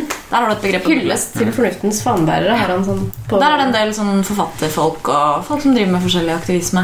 Som man kan titte på Så det er jo egentlig en veldig god oversikt. Mm. Folk man kan følge på Facebook eller Twitter. Kanskje vi skal trekke oss internasjonalt? Vi kan jo Så bør jeg jo ikke glemme å nevne skepsis.no. Ja. Nei. Der ligger det jo et ganske rikholdig arkiv, alt fra de gamle hundrevis av bloggposter som Asbjørn annet, med flere skrev. Og et forum. Og Skepsisforumet. det har er dessverre tapt sånn- seg veldig etter at uh, veldig mye flyttes over på Facebook, på lukkede grupper. Men, uh, men det er veldig mye bra på forumet, og jeg håper at uh, folk bruker det. Det er trekoldig arkiv. Utrolige ressurser. Mange lange, gode diskusjonstråder med gode lenker i. ja, de har veldig høye standarder for bevisføring der. Ja, Vært gode moderatorer der i mange år. Så du regner kan regne med at folk sier ifra hvis noen kommer med ubegrunnede påstander som ikke er eh, backet opp av faktisk eh, bevis. Og det er jo det som er fordelen med den siden eh, fremfor Facebook, da, som er jo et veldig yrende sted for skep skepsisme og skeptisk aktivisme. Eller skeptivisme, som jeg kaller det. Men uh, skepsis og denne er mye flinkere på arkivering. Du kan jo ikke uten videre søke opp samtaler på Facebook. Det har vi alle erfart. Ja. Mm. Så der er det mye resirkulering og sånn, eh, og mye som blir glemt. Mens på skepsis.no så er det Da kan du søke ting opp. Er det en tråd, så får du høre om det. Det er ikke noen nye tråder her, nei. Og, og til slutt ren skepsis i Norge, så er det jo Folkeopplysningen på TV. Ah, Selvsagt. Det var et veldig bra show i to sesonger hittil. Håper de kommer med, med, håper de kommer med en tredje. Eh, og også tilsvarende det andre showet som Teddy TV kom med. Siffer. Både Siffer og Typisk norsk. Mm. Typisk norsk eh, så hadde vi også Typisk deg. Typisk deg? Nei. Ja, Typisk typisk deg også.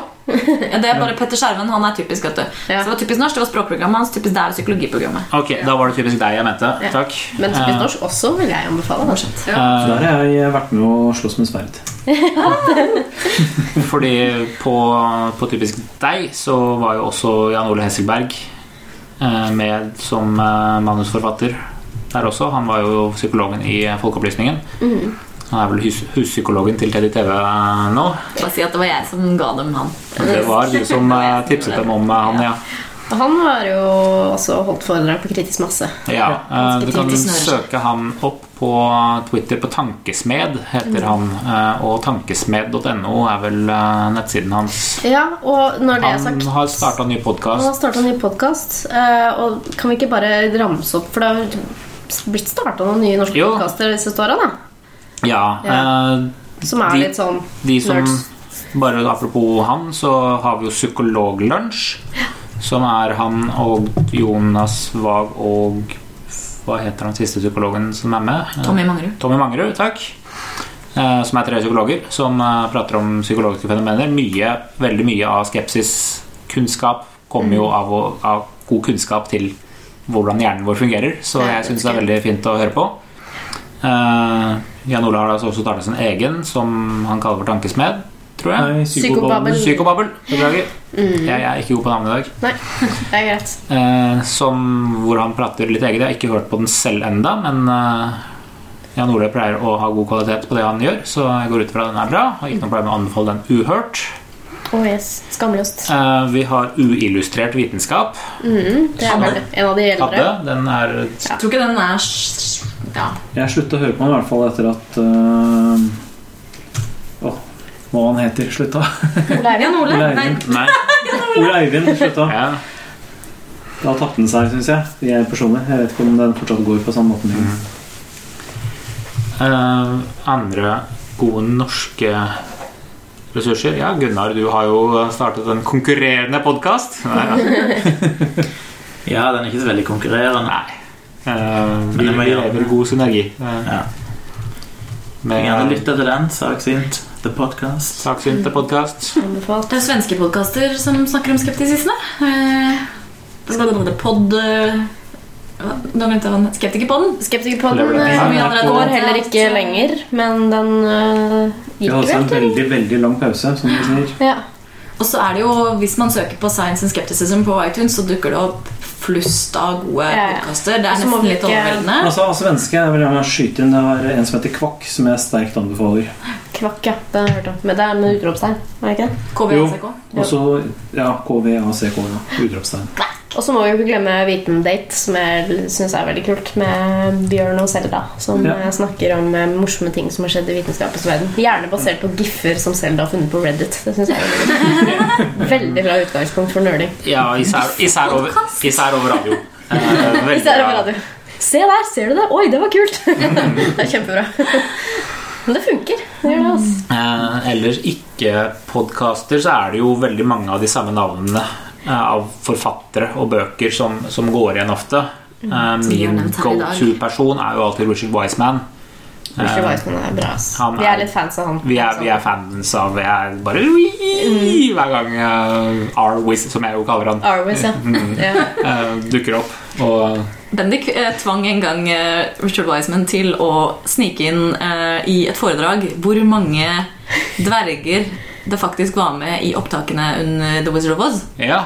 Uh, det var Jeg- på denne Jeg er, jeg er egentlig ganske stolt av det. Jeg syns det er en morsom historie. Uh, Jeg klarte da å målbinde Richard Wiseman. Han er ikke lett å målbinde. Uh, Han har alltid en kjapp kommentar på lager.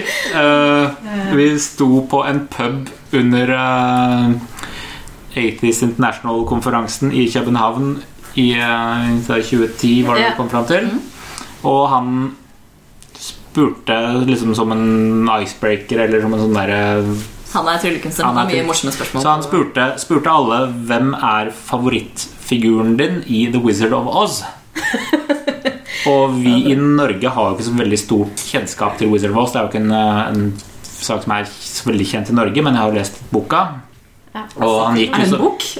Ja, Det er en bok. Det er en hel serie med bøker. Nei, jeg har sett, uh, Og- sett den originalfilmen og, og den kule 80-tallsoppfølgeren. Den er og, og han gikk liksom da rundt, eh, og noen svarte liksom Ja, Dorothy er uh, favoritten. Ja, Toto, ja, The Wicked Witch, liksom. Ja. Han sa at hans favoritt var The Flying Monkeys. Mm. Mens jeg sa at uh, min favoritt var Tornadoen. Og han visste ikke helt hvordan han skulle svare på det.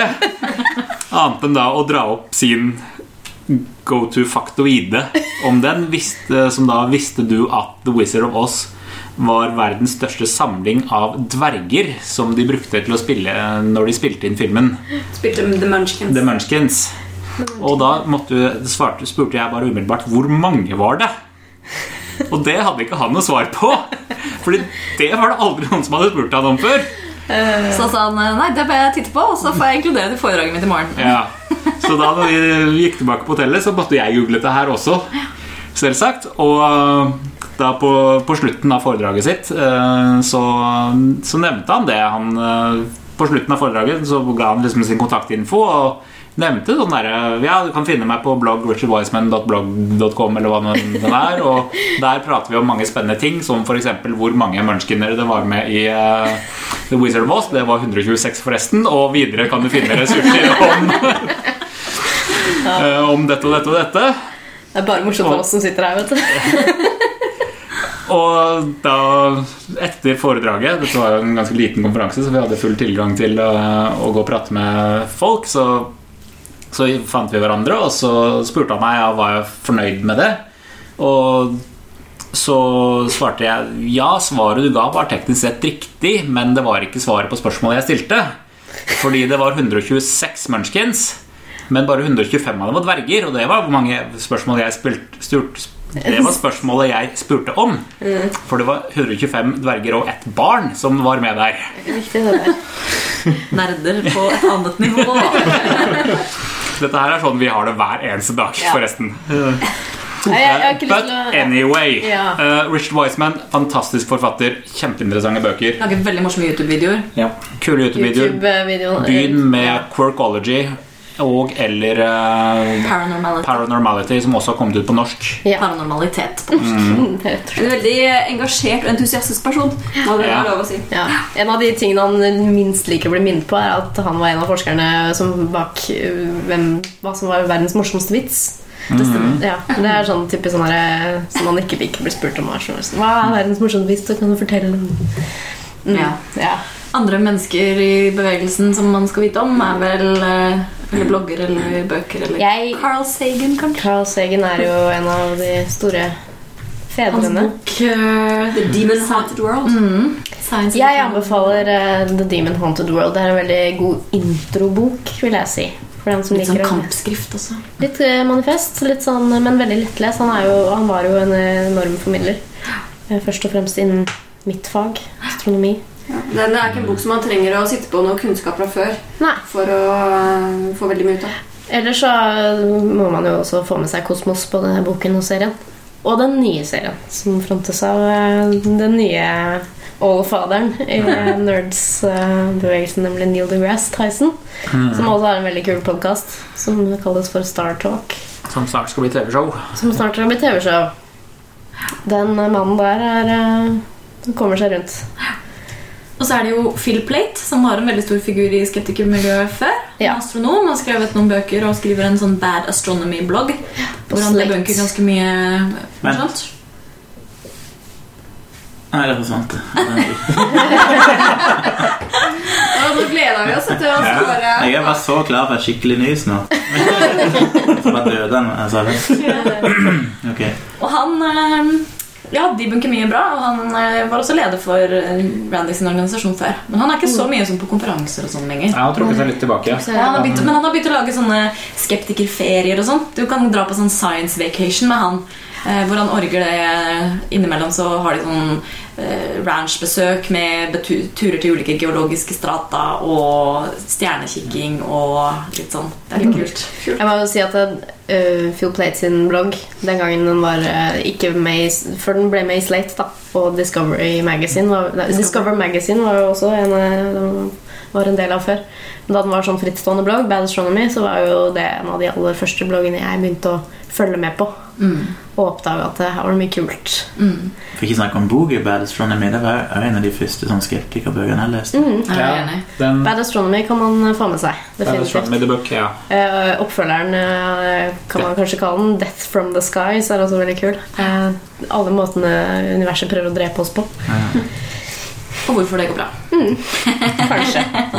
Har gått bra, har, har gått bra hittil, da. Ja. Og- Det går bra hvis vi bruker litt mer penger på det. er litt mer fornuftige.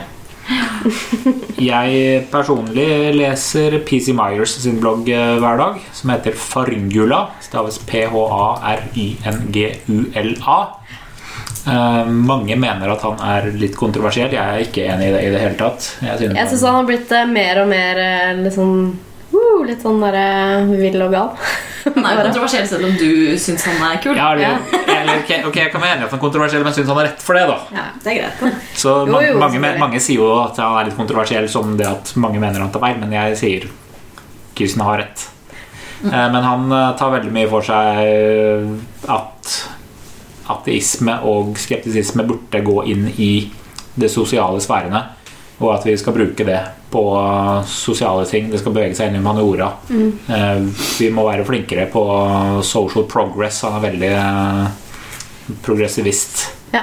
på sosiale er, eh, ting. jeg er veldig enig med ting han skriver. Eh, Det er kanskje er litt eh, sånn Jeg er ikke helt på bølgelengde med han når det gjelder det å liksom bare han, altså, han har jo vært en av de som har virkelig beveget seg bort fra Han slutta å kalle seg skeptiker. Og Ja, Han slutta jo også å kalle seg skeptiker Ja. av mange av de eh, skandalene som har skjedd innenfor Ja. skeptikermiljøet i det siste. Da, især med hvordan eh, mange gamle skeptikere har behandla kvinner. Ja. Eh, og vi har begynt etter hvert å innse at det å være en skeptiker gjør deg ikke automatisk til ikke en drittsekk. Veldig mange gode eksempler på det. Det kunne vi jo hatt en hel episode om. Eh, og kanskje mistet mange følgere og fått ganske mange nye. I det hele tatt det har vært mye splittelser eh, de siste Ja, de siste fem åra, faktisk. siden Faktisk. eh, to, sommer 2011. Ja. Hvor du vet- var med. Hvor du var med. Og det, Det var ikke din feil, Det var men ikke min eh, feil. det kan vi jo snakke om i det uendelige, men det har vi også snakket om ja, i vi, tidligere episode. Så vi har, eh, som vi snart skal få opp på arkivet vårt, en, en egen episode kun om Elevator Gate eh, sommeren 2011. Men samtidig jeg må si det at disse splittelsene De har ikke skyldtes egentlig at det har skjedd noe nytt, men at ting som har vært der hele tiden, har kommet til overflaten. Ja. Og folk har begynt å snakke om det. Og sånn sett så vil jeg si at det er veldig positivt. For hvis man ikke snakker om problemet og anerkjenner at det fins, så kan man i hvert fall ikke håpe å få noe bedring på det. De som er mot, mener jo at det ikke fins, så da Ja. er man jo ikke så Um, kommet så langt. Men uansett. Ja, nei, jeg er- bare fascinert over hvor, eh, hvor stor del av denne bevegelsen som plutselig jeg ser ganske klart, det er faktisk ganske lite åpensinnede. Det er ganske Jeg synes det er en sånn paradoksalt ja. sted. Så må man jo passe på at det er noen som er med og passer på kjøkkenet og skriver bloggposter og holder eh, driften i eh, et tematisk korrekt eh, Eller hva skal man si outreach. Holder eh, formidling av like, da. Selv om vi kanskje står og krangler litt på bakrommet, noen av oss. Det var det. Så det er bra. Men jeg, ja, jeg er for så vidt enig i at eh, vi trenger mange forskjellige typer formidlere. Mm. Om det da føler til Om noen av de er skikkelig sinna og bannende og litt ufine og grove folk, og så er det andre som er sånn sukkersøte, det går bra. Det kan vi ha. Ja. Vi kan være litt sånn Absolutt. Det er en bok til jeg har lyst til å nevne. eh, Og det er Daniel Kahneman sin bok 'Thinking Fast and Slow'. På norsk heter den 'Tenking fort og langsomt'. Tenke. Tenke fort og langsomt. Eh, Den ble oversatt veldig veldig raskt. Eh, Den kom ut nylig. Kahneman er en nevrolog Nobelprisvinnende Nobelpris, psykolog. psykolog. Eh, Det trenger ikke å være noe positivt at man er nobelprisvinner. Nei. eh, Men, eh, Så han er også vunnet Han vant faktisk Nobelprisen i økonomi. Det er litt morsomt. Ja.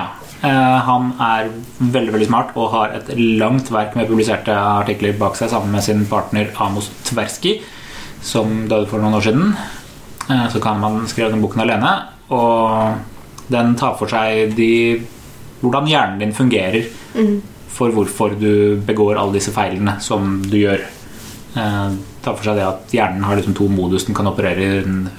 grundig- Fort og langsomt. Ja, Fort og raskt og langsomt. Eh, les den boken. Veldig, eh, veldig relevant for å, å bli en sånn- kritisk tenker. Så er den jo sånn litt tett og trangt på siden-bok, så sikkert lurt å kjøpe norsk oversettelse til far. Ja, den, eh, Ustødig i engelsk og sånn. den, den kan være litt tung, men den er veldig full av faktakunnskap og god informasjon. informasjon. Så jeg kan få lov å anbefale tre bøker som jeg synes er ekstremt relevante. For det er ikke sånn typisk skeptikerbøker, men det går rett på det med psykologi og hvordan hjernen fungerer. Og Jo mer jeg snakker om skeptisisme og holder foredrag, og sånn, så, så dreier det seg bare mer og mer om det. Nå Ja, ja. handler jo foredraget mitt nesten bare om hvorfor du ikke kan stole på dine egne minner, du kan ikke stole på dine egne opplevelser, kan ikke stole på dine egne sanser, og hvordan hjernen konstruerer virkeligheten hele tiden for å skape mening og Ja. orden i kaoset. Og det er det tre bøker jeg jeg leste for noen år siden. Den ene er Incognito, The Secret Lives of the Brain av David Eagleman. Som er sånn superfascinerende, som handler om forskjellige typer hjerneskade og hvordan det påvirker din opplevelse av virkeligheten. og forandrer mm. det. Ja. Alt det der som veldig tydelig viser at alt som du tenker er personlighet og, hvordan du observerer verden, kan knyttes veldig sånn fysisk til hjernen. Mm. er det The, The Drunkard's Walk. How oh, er randomness er rules our lives. Det er eh, Leonard Modinov. Lodinov, ja. The Drunkard's Walk. Å, den var god. Fortsett. Ja, som òg handler mye om dette med hvordan mye av det Hvis jeg husker riktig nå klarer å skille de fra hverandre, men hvordan mye av det vi, vi føler orden og system, egentlig er tilfeldigheter, men vi konstruerer orden ut av Lo- Lodinov er jo statistiker, egentlig. Eller eh, Statistikk er også et av disse skeptikerfagfeltene. Ja, man Stat statistikk kan misbrukes til så mangt, Oh, yes. og, og kan forklare veldig mye. Liksom En En av 20 ganger så skjer det noe magisk liksom alltid i, i forskningen. Og The Drunkers Walk tar for seg fra et statistikkperspektiv at eh, rare ting skjer en gang iblant, de også. Og statistikk er, eh, er viktig å kunne hvis man skal være en god debunker, i hvert fall. da. Ja, statistisk usannsynlige ting vil også skje. Ja. One in a million eh, sjanser skjer fire ganger daglig selv i Norge. Faktisk. Hvis du er one in a million, så er det fortsatt tusen av deg i Kina. Ja. Og så er det den eh, nest siste av de tre bøkene jeg skulle si. Supersense. Why We Believe in the Unbelievable av Bruce M. Hood. Mm. er Den òg syns jeg er så relevant, for det handler jo om hva vi som sitter rundt bordet her og tenker at vi er skeptikere, vi er jo veldig overtroiske alle sammen. Vi er Vi vil eller det. ikke. Sånn klassisk eksempel fra boka at hvis noen hadde gitt meg gitaren til Jimmy Henriks, så hadde jeg følt at det var noe spesielt med den gitaren. Mm. Men det er jo bare en vanlig gitar. Det er jo ingenting av Jimmy Hendrix som er på den gitaren. Men for Nei. meg så vil den være helt spesiell. Og mamma er jo en Beatles-billett, for hun var på Beatles-konsert i 1964. Og den billetten syns jeg er helt sånn magisk. Det å ta på en ekte Beatles-billett, liksom. Det er et eller annet sånn Eller hvis du Men det er jo bare en papirbit. Ja, eller hvis du ber noen om å skrive ned eh, eller, eh, For eksempel rive i stykker et bilde av noen de har kjær, eller skrive på en lapp. Eh, 'Pappa kommer til å dø i morgen', for eksempel, på en lapp. Ja. Og så sitte og lese den i din egen håndskrift. Det er altså sånn man ikke syns er behagelig å gjøre. Det er fordi vi har symbolsk tenkning som er veldig sterk hos For det er James Randy som eh, på et tidspunkt i livet sitt hver kveld før han la, la seg, skrev på en lapp eller et eller annet sånt. Hver- Jeg, James Randy, som er min fulle fem, kom, eh, Kommer til å forutså min egen død. Ja, han, han skrev det hver dag og la det Ja. i lommeboken sin. Ja. Uh, Jeg, James Randy, kommer til å dø i dag, Også datoen og signert. Bare for at hvis det skjedde, så skulle han uh, våkne ha rett og, og bevise hvor lett det var uh, sånn en siste gang eh, på vei ut hvis han tilfeldigvis ble truffet av en buss eller noe. sånt nå. Yes. Han har slutta å gjøre det nå. Ja, det har jo ikke slått Ikke så imponerende nå som han er 85. Nei. Og den fjerde av de tre bøkene jeg skal nevne, det er The Invisible Gorilla. And Other Ways Our Intuition Deceives Us av Christopher Chabris eller noe sånt. Daniel Simmons eller Simons. The Invisible Mm. Gorilla er jo et sånt uttrykk som skeptikere liksom kjenner til hvis de har sett nok YouTube-videoer. og Ja, Var det Richard Wiseman som populariserte gorillaen, eller? eh? Nei, det var de. Det var de Det som var de, lagde ja. et, eh, eh, De lagde en kort video som de brukte i college-klasserommet sitt. Det var de som brukte den, ja. Okay. Det er- det, er, boka. flere varianter av den senere. Ja. Mm. Men i den kjente The Color Changing Trick, som jeg alltid bruker i foredragene mine, Ja. så er det et gorillakostyme i bakgrunnen. Ja, ja. Og nå har du bare ødelagt det for alle som aldri har sett The Color Changing Cartridge. Og det er helt opp til bandet jeg vil han redigere det. Ja. Jeg kommer nok til å redigere bort dette.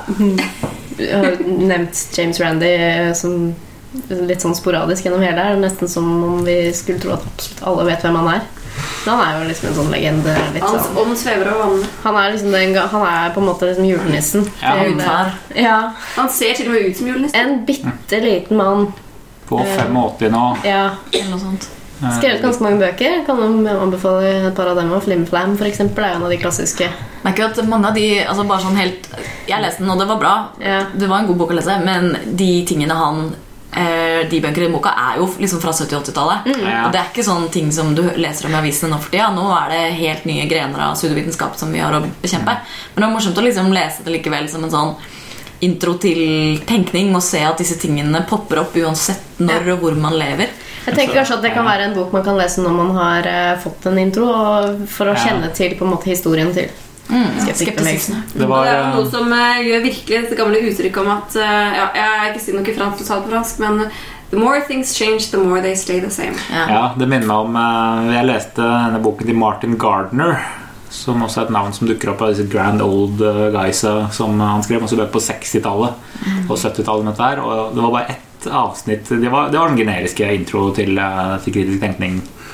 Typisk sak. Det hadde ikke kommet like langt i forskningen da, men det var én sånn avsnitt der på slutten av religionskapittelet hans som nevnte han det er en sånn der liten oppstartssak som heter Scientologene, som kanskje kan bli noe etter hvert. Yes. Eh, Men, sånn, men vi, de er bare på oppstartsstadiet, liksom. James Randy er jo da en av disse tryllekunstnerne som har Ja. tatt debunking eh, videre ut av, tryll, altså ut av trylleklubben sin. Eh, det var faktisk han som paret Penn og Teller. Ja. Eh, De har jo også hatt en TV-serie som heter Bullshit, som er ganske morsom. Selv om de er noen ganger litt vel um, libertarianistisk eh, og kapitalistisk innstilt, så er det mye bra skeptikerfora. Why taxes are bullshit. Ja. Så hvis, Eller når de diskuterer resirkulering eh, ene og alene med et økonomisk regnestykke. ja, så hvis du ser bort ifra de stedene hvor de tar for seg økonomiske og politiske ting, der hvor de bare tar for seg Scientologi. pseudoscience-temaer, så er det bra. Antivax-episoden deres er fantastisk. Antivax-episoden er kjempebra. Ja. Resirkuleringsepisoden deres eh, vil vi si at ikke stemmer helt. Og magishowene deres er jo ganske bra. Magishowene deres er jo gode. Det er typisk situasjoner Når man ser på det som de har som det handler om økonomi, da, så må man jo ha i bakhodet hele tiden at disse folka er veldig rike. Ja, ja. Så når de sier at eksempel taxes is bullshit, så da ok.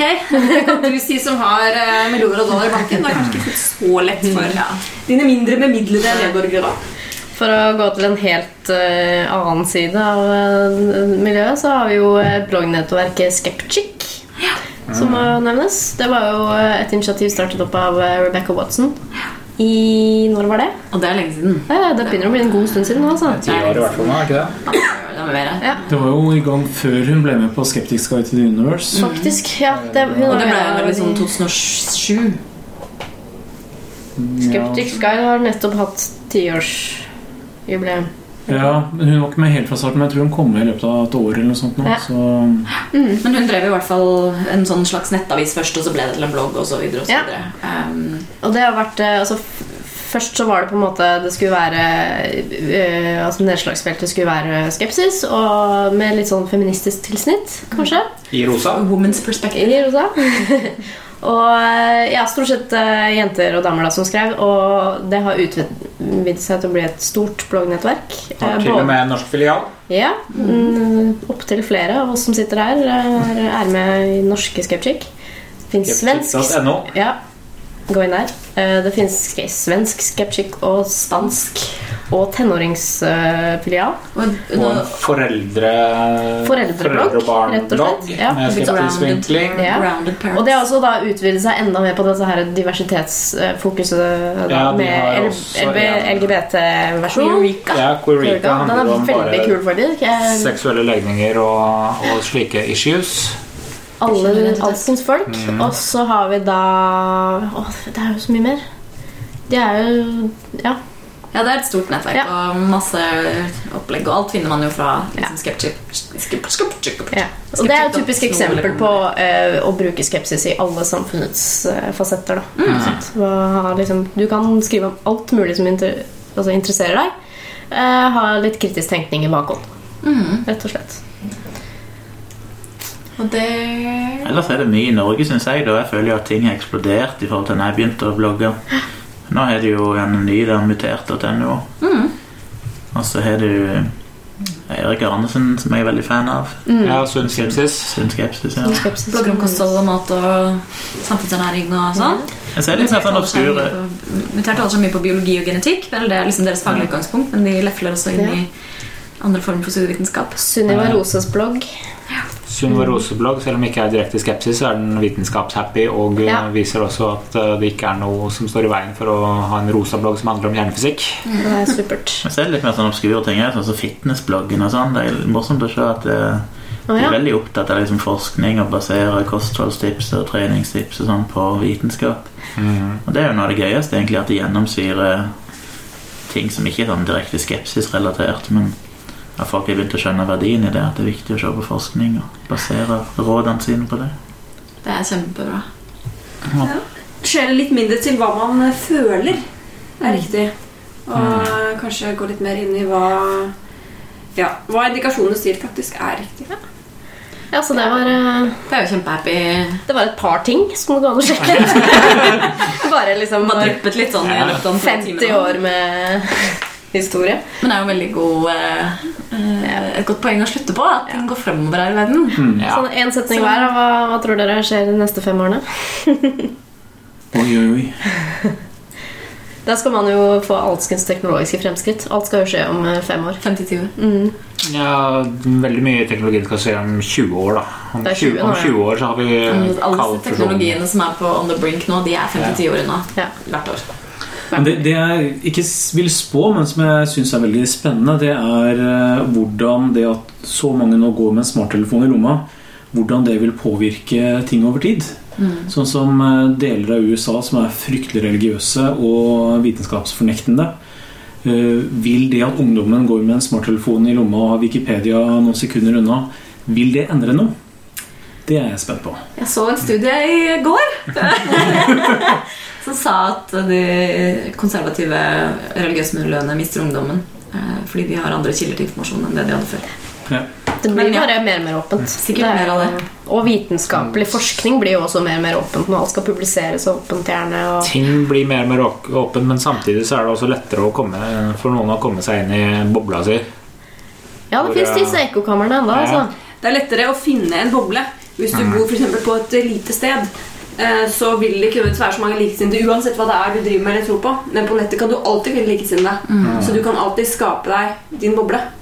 Og Og det er jo litt I. I mange tilfeller så er det bra, for det, Ja. de som f.eks. har en annerledes seksuell legning og bor på et lite sted, eller noe sånt nå, så er det jo bra at de får vite at det finnes likesinnede, og at, det finnes, eh, at de kan få seg et supportnettverk Absolutt. utenfor. Men eh, det kan også da anførselstegn brukes til negative ting ved at en vaksinefornekter som blir bombardert av fakta og eh, vitenskap fra alle sine kjente, kan sitte der eh, på nettet i sin boble og prate med sine andre på alt nett. Mm.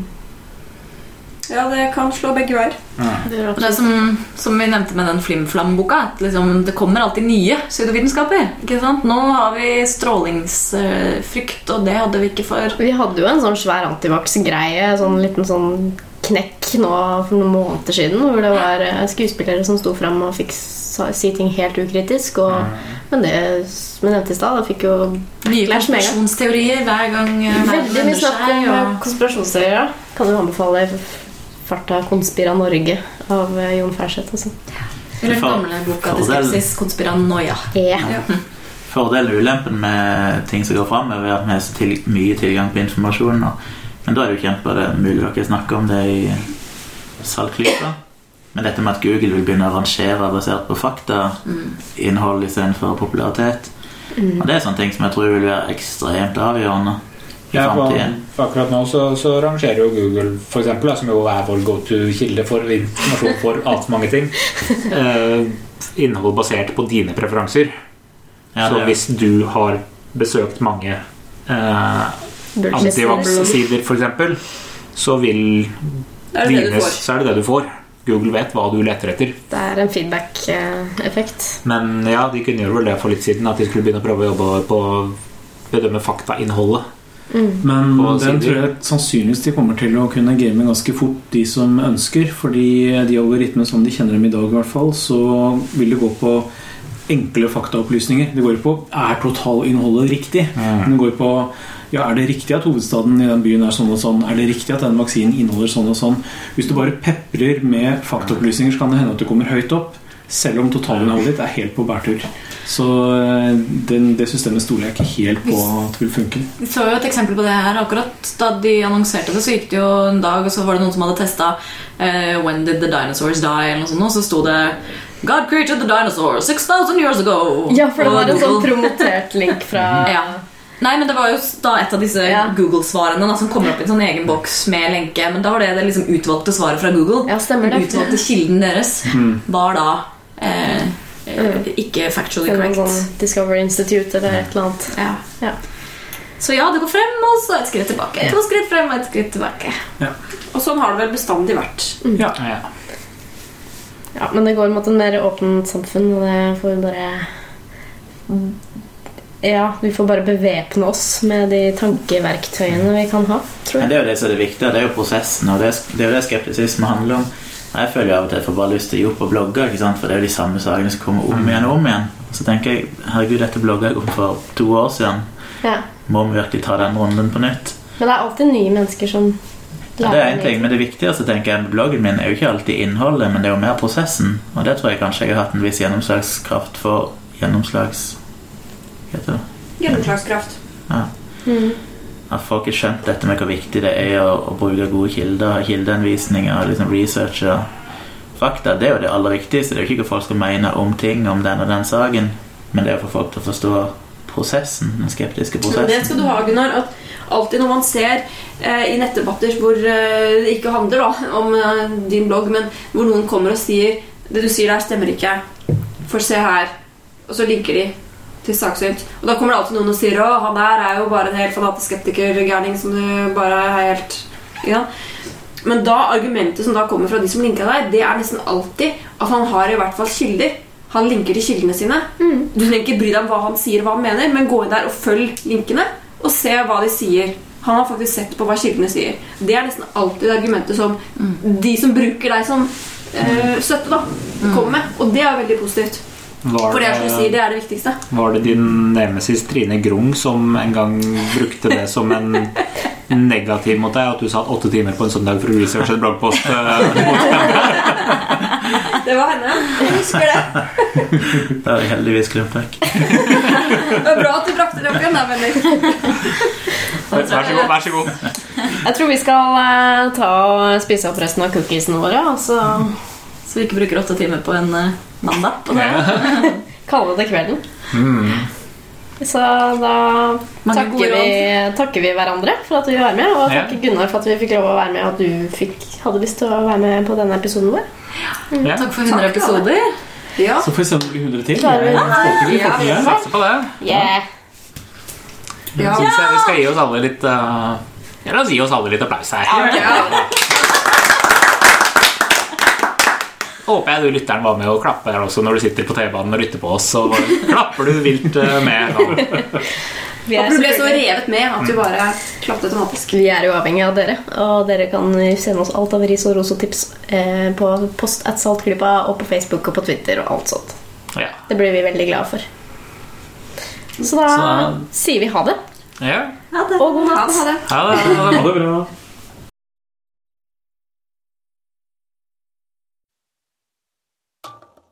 Saltklypa lages av Kristin Lisha, Jørgen og Bendik.